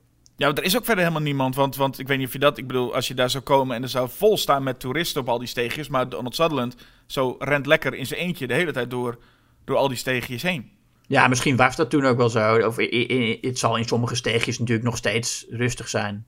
Ja, want daar is het eh, een hele achtervolging met eh, Sutherland, die nu de persoon in het rode jasje nog een keer ziet. En Ja, je zei al van, je weet niet zeker of hij denkt dat hij zijn dochter ziet, toch? Want ik snapte niet helemaal, waarom gaat hij achter eh, de persoon in het rode omdat, jasje aan? zij, omdat zij op dat moment op de vlucht slaat. En je hoort ook iemand iets roepen van een moordenaar. Mhm. En hij ziet haar wegrennen. En hij, hij denkt in elk geval, het is een kind. Weet je wel? Hij denkt niet, het is mijn dochter. Maar hij denkt wel, oh, daar, daar rent een kind en ze is op de vlucht. Mhm. Eh, en daarom gaat hij erachteraan. Ah, oké, want ik dacht dus ook eventjes eh, dat hij dacht van... hé, hey, dit, dit doet me zo denken aan mijn dochter, misschien is het er wel. Maar hij, hij geloofde daar nooit in. En er werd ook nooit eh, verder benadrukt dat hij wel ineens gelooft in die eh, bovennatuurlijke dingen. En, en dat Nee, nou ja, als hij op het moment dat hij eh, eh, van die stellage valt in de kathedraal, dan lijkt hij wel te denken dat dat het onheil is dat de, dat de, dat de zussen voorspeld hadden. Ja, zijn, zijn kijk naar die twee zussen is wel iets veranderd daarna, Ja. merk je. Maar toch is hij niet, heeft hij niet een omslag gemaakt met nu geloof ik in bovennatuurlijke dingen. Of denk ik dat deze persoon in het rode jasje iets te maken heeft. Hij gaat er gewoon, eh, hij gaat er achteraan en hij wil ook tot, tot het einde. Hè, blijft ook gewoon, hij blijft er achteraan gaan tot hij, eh, nou ja, haar heeft waar hij, eh, ja, dat hij er kan zien. Ja. En dan komt het moment. Ik denk het moment waar jij, waar jij ook wel even onder de indruk was, dus vroeger, toen je voor het eerst zag. Ja, en voor de, voor de tweede en derde keer ook wel hoor. En, en vierde keer. Het houdt eigenlijk nooit op met indrukwekkend zijn dat moment dat zij zich omdraait. En het is een, een, een oude vrouw met heel veel make-up op haar gezicht. En die schudt eh, nee, want hij, hij zegt van eh, ja, ik, ik, ik, ga, ik ga je niks doen en zo. En, en, eh, en ik, ben een, ik ben een vriend en dit en dat. Maar dan draait zij zich om en dan schudt ze haar hoofd. En het is een soort alsof zij weet wat er allemaal gebeurd is. Hè, ze, ze schudt van, ach mannetje toch, je hebt het helemaal verkeerd gezien. Ja, want wat is, wat is, wat, wat is dit gewoon de moordenaar waar ze het de hele tijd over hebben in de film? Want er worden verschillende lijken gevonden in Venetië. Is dit dan die? Ja, ik, de- de- zij is wel de seriemoordenaar waar het om gaat. De eerste keer dat, dat we haar zien, eh, eh, hebben we ook net iemand heel hard horen schreeuwen. Hè? En dan, dan ziet hij al dat, dat figuurtje wegrennen. Dus eigenlijk in Venetië loopt eh, op dat moment gelijktijdig loopt er gewoon een klein oud vrouwtje in een rood jasje rond als seriemoordenaar. Ja, Oké. Ja, nou ja, het, het wordt gesuggereerd. Ik bedoel, ja, de, wat de film vertelt is dat zij al die moorden gepleegd heeft. Dat weet je natuurlijk niet zeker. Dat laat de film niet zien. Maar daar kun je wel van uitgaan. En hij is gewoon het, het, het, volgende slachtoffer. Aan de ene kant is dat volstrekt willekeurig. Het heeft helemaal niks te maken met eh, wat er allemaal gebeurd is met hun dochter. En zij is gewoon ja, een, een, een- de, de chaos gepersonificeerd die daar opeens zomaar abrupt een einde maakt. ehm, wat helemaal uit het niets komt. Maar aan de andere kant is het ook omdat de film heeft laten zien hoe alles met elkaar in verbinding staat. ehm, klopt het wel, weet je wel, dat zij dat doet. Ja, nou ja, het is natuurlijk niet volledig willekeurig, want hij, hij rent er echt heel lang achteraan. Dus dan heb Ja, je- nee, oké, wat dat betreft. Maar ik bedoel, eh, verhaal technisch gezien zou je zeggen, het, het komt helemaal uit het niks. Want het is niet zo dat, want het is een achtervolging waarbij je kan denken dat het kleine oude vrouwtje eh, ehm, hem ergens naartoe wil lokken. Of dat ze denkt, laat me met rust. Ik wil, en dat ze op een gegeven moment denkt, ja, nu kan ik niet verder. Ik, ik maak hem maar af. Ik had hem helemaal niet op het oog om hem te vermoorden. Of dat, hij, dat zij wil dat hij achter haar aangaat. Dat is niet helemaal duidelijk. Want ik weet niet of Donald Sutherland nou het volgende slachtoffer van deze kleine seriemoordenaar zou zijn. Nou, ik denk dat zij vrij willekeurig moordt. En dat ze denkt, deze man zit nu achter me aan. Ik ga naar een, naar een plek waar geen andere mensen zijn. En dan hak ik, eh, hak ik een... En eh, dan, s- ja. Ja, haak ik hem neer en dan val- valt, valt hij op de grond en flitst de hele film eigenlijk nog aan, aan hem voorbij, hè? Ja, je al- zou, ja, wellicht is dat dan zijn leven dat voor zijn ogen voorbij gaat. Maar dan gewoon echt allerlei, allerlei scènes uit de film komen ineens in zijn gedachten. De meest uit, uit, Ja. uiteenlopende stukken. Niet alleen de belangrijkste, maar ook... v- viel me nog op dat niet die tan tandpasta scène er ook even tussen zat. dat, dat hij daar ook nog even aan denkt. Maar goed, hij, hij denkt even aan al die dingen. Maar het is niet alsof de film daar een soort van... eh, allemaal dingen... la- eh, een soort aha-moment is er niet per se. Het is niet dat, dat je dan dingen Nee. ziet en dat je dan denkt... Nou, dat, ah, dat, dat zou je inderdaad in een conventionelere film verwachten. Dat je dan doorkrijgt van, oh, ik had het al die tijd al moeten zien. Ja, maar het maar- mooie is nou juist aan Don't Look Now dat dat helemaal niet zo is. Dat het, het blijft chaos en het blijft onmogelijk om ergens een touw aan vast te knopen. Ook al ben je helderziend. Ja. Eh, ja, sommige mensen kunnen hebben, eh, hebben die gaven dan eh, wel onder controle, e- enigszins, zoals die, die, die blinde vrouw. Maar voor hem blijft het gewoon volstrekt niet te voorspellen en niet te plannen situatie, het leven.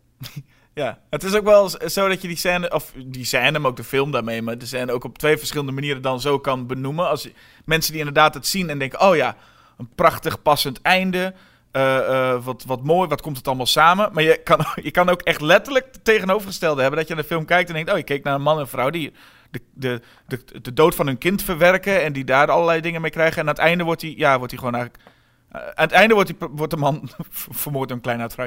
Ja, die, die verder geen enkele, die verder niks met, die hen helemaal niet kent, die er niks mee te maken heeft eigenlijk. Nee, als je hem zo stelt, en dat las ik ook. Ik las heel even de, eh, de toen ik de film gezien had, even de Wikipedia-pagina van Dood ook Nou, waar dan gewoon altijd zo'n plot helemaal omschreven is. En het ziet er dan wel komisch uit als je het gewoon zo op papier ziet wat er aan het eind gebeurt. Van aan het einde Ja. wordt er een, een klein oud vrouwtje, of eh, eh, a little dwarf, ja, kills him. En dat is dan een Ja. beetje het einde. En als je dat zo leest, denk je... Ja, ik kan me best voorstellen dat je aan het einde de- van de film dat gevoel ook een beetje overhoudt. Van, oh, nee, aan het einde wordt hij, wordt hij, wordt hij vermoord door een dwergje. Maar dat aha-moment zit er wel een klein beetje in. Op het moment dat je daarna de begrafenis krijgt. Als je... Ja, Want daar zie je natuurlijk wel van... Oh, dat was het toekomstbeeld. Dus ik denk dat het aha-moment meer daarin zit. ja precies. Wat ik me wel afvroeg is, waar is die zoon? Ik bedoel, was die, niet, was die, Ja. was die erbij? Want het is toch ook heel wat als je zoon er ook niet bij is. Ja, ehm, ja die, die is er niet bij, want dan zou die bij de moeder staan. Ja, Dus die, die ligt nog in het ziekenhuis. Maar is ook wat als je dan... Ik bedoel, je zou maar dat, dat die moeder thuis komt. Je zou maar horen van... Hé, hey, waar is papa? Ja, je, je vader die komt niet thuis. Die is, die is vermoord door een dwerg. en we hebben hem daar ook maar Ja. begraven. Dat is, Ja, nee, ja, die begrafenis die moet op een gegeven moment, die kan dat lijk niet te lang bewaren natuurlijk. dat is wel het moment waarop je dan even kan denken... En dan stopt de film ook. Het moment waarop je kan denken... Ah, dat is er aan de hand. En dan krijg je dus meer echt het gevoel van... eh Donald Sutherland zag eh, stukjes toekomst. Ja, en, en dan, dan zie je inderdaad ook dat hij in die openingsscène al zijn eigen, eh, zijn eigen moordenares heeft gezien. En ja, je zou kunnen zeggen het toen al had moeten weten, maar dat is natuurlijk niet zo. En hij draagt ook de hele film een, een rood sjaaltje, Mhm. wat ook een soort voorschaduw is voor dat uiteindelijk zijn keel do- doorgesneden wordt. Mm, Ja. Maar ja, je gaat natuurlijk niet zeggen: Oh, je droeg een rood sjaaltje, dus je had het moeten weten. Dat is het fijne aan Don't Look Now: dat wij als kijker wel allemaal dingen kunnen zien die eh, de toekomst voorspellen, maar dat hij geen enkele manier heeft om dat eh, te weten. Nee, maar je had met alle goede wil en, en hoe, hoe, hoe goed je ook in, in dat soort dingen analyseren bent. Volgens mij, als je deze film voor het eerst ziet, denk ik niet dat je dit kan voorspellen dat dit gaat gebeuren. Nee, nee, precies. Dat nee, dat, nee om- omdat je heel erg bij eh, de personages blijft. Het is Ja. niet een film waarin de kijker meer weet dan de personages, zoals vaak bij, eh, bij suspense. Mhm. Het is hier zo, wij zitten echt, eigenlijk net als in Rosemary's Baby, we blijven bij hun en we weten evenveel als hun. En hier is dat nog ehm, verwarrender en, en desoriënterender. En ik vind dat echt een, eh, een heel goede weergave van hoe het leven eigenlijk is. Ik bedoel, ik, ik geloof niet in, in, in, in bovennatuurlijke dingen en helderziendheid en zo. Maar ik vind Don't Look Now wel een film die heel realistisch weergeeft hoe het leven kan gaan. Ja. Dat je gewoon, ja, je, je lot ligt uit je handen. En ik geloof niet in lotsbestemming. Maar, ehm, en deze film gaat daar natuurlijk wel over, dat dingen voorbestemd zijn en dat alles met elkaar in verbinding staat. Dus wat dat betreft is het in mijn ogen geen realistische film. Maar het is wel een realistische weergave van hoe je in het echt eh, een, een, ja, eigenlijk niks wat er gebeurt echt onder controle hebt. En je gewoon een soort speelbal wordt van ja, eigenlijk willekeurige gebeurtenissen. Ja, en ik denk dat daar die stijl, waar we het begin al ook over hadden, wel heel erg past bij de film. Die willekeurige gebeurtenissen, daar past uh, Rogue's stijl ook heel erg bij. Uh, zonder Ja. te zeggen dat de stijl willekeurig is. Maar inderdaad Ja. wel. eh, de, de zin die jij in het begin ook al zei, de waar heb ik nu zojuist naar gekeken, krijg je gewoon ook bij deze film af en toe wel. Ehm, Ja. Want het is niet helemaal klaar van dit is het en zo zit het. Ja, nothing is what it seems. Hè? Dat zegt Donald Sutherland aan het begin van de film al. Mhm. Als, eh, als, als, als zijn vrouw iets opgezocht heeft over een bevroren meertje. En eh, dan zegt hij: eh, Nothing is what it seems. En dat is, ja, dat is een beetje het thema waar hij nooit vanaf komt in die film. Ja. Het, het filmdebuut van de componist Pino Donaggio. Die later Brian De Palma's vaste componist werd. Ja. Prachtige muziek. En ook iets wat we niet hadden willen missen, denk ik. Pino Donaggio. Nee, absoluut niet. Hoewel ik dus mij in dit geval juist voornamelijk de momenten waar geen muziek zat vooral opvielen. Omdat dat, die er heel veel zijn. Maar als er muziek is, was het wel een mooie muziek. Nou ja, eh, twee films over eh, mensen die gecontroleerd worden door eh, factoren buiten henzelf. En waar we heel erg bij de personages blijven. Waarin de stijl ook echt hun geestelijke toestand communiceert. Twee films die echt ook eh, stadshorror zijn. Hè? Rosemary's Baby gaat over de ervaring ook van wonen in een stad waar allemaal mensen om je heen zijn die je niet kent en waarvan je niet weet of je ze kan vertrouwen of niet. En, eh, ja, en, en, en Don't Look Now gaat niet over het wonen daar, maar over het zijn in een vreemde stad, wat eigenlijk nog eh vervreemdender en, en onnatuurlijker is voor mensen. Ik bedoel, ik, ik ben zelf graag in steden en ook zeker in vreemde steden, maar het is niet een situatie waar wij als mensen zeg maar op gemaakt zijn. Hè, dus we, zijn, we, zijn eh, ja, we, komen uit. eh, we hebben, duizenden jaren lang alleen maar in, in, in groepjes geleefd van eh, hooguit 60 mensen of zo. En daarna, toen we ons gingen vestigen, ook alleen maar in, in kleine dorpjes. En die steden, dat is een relatief recente ontwikkeling voor ons als soort.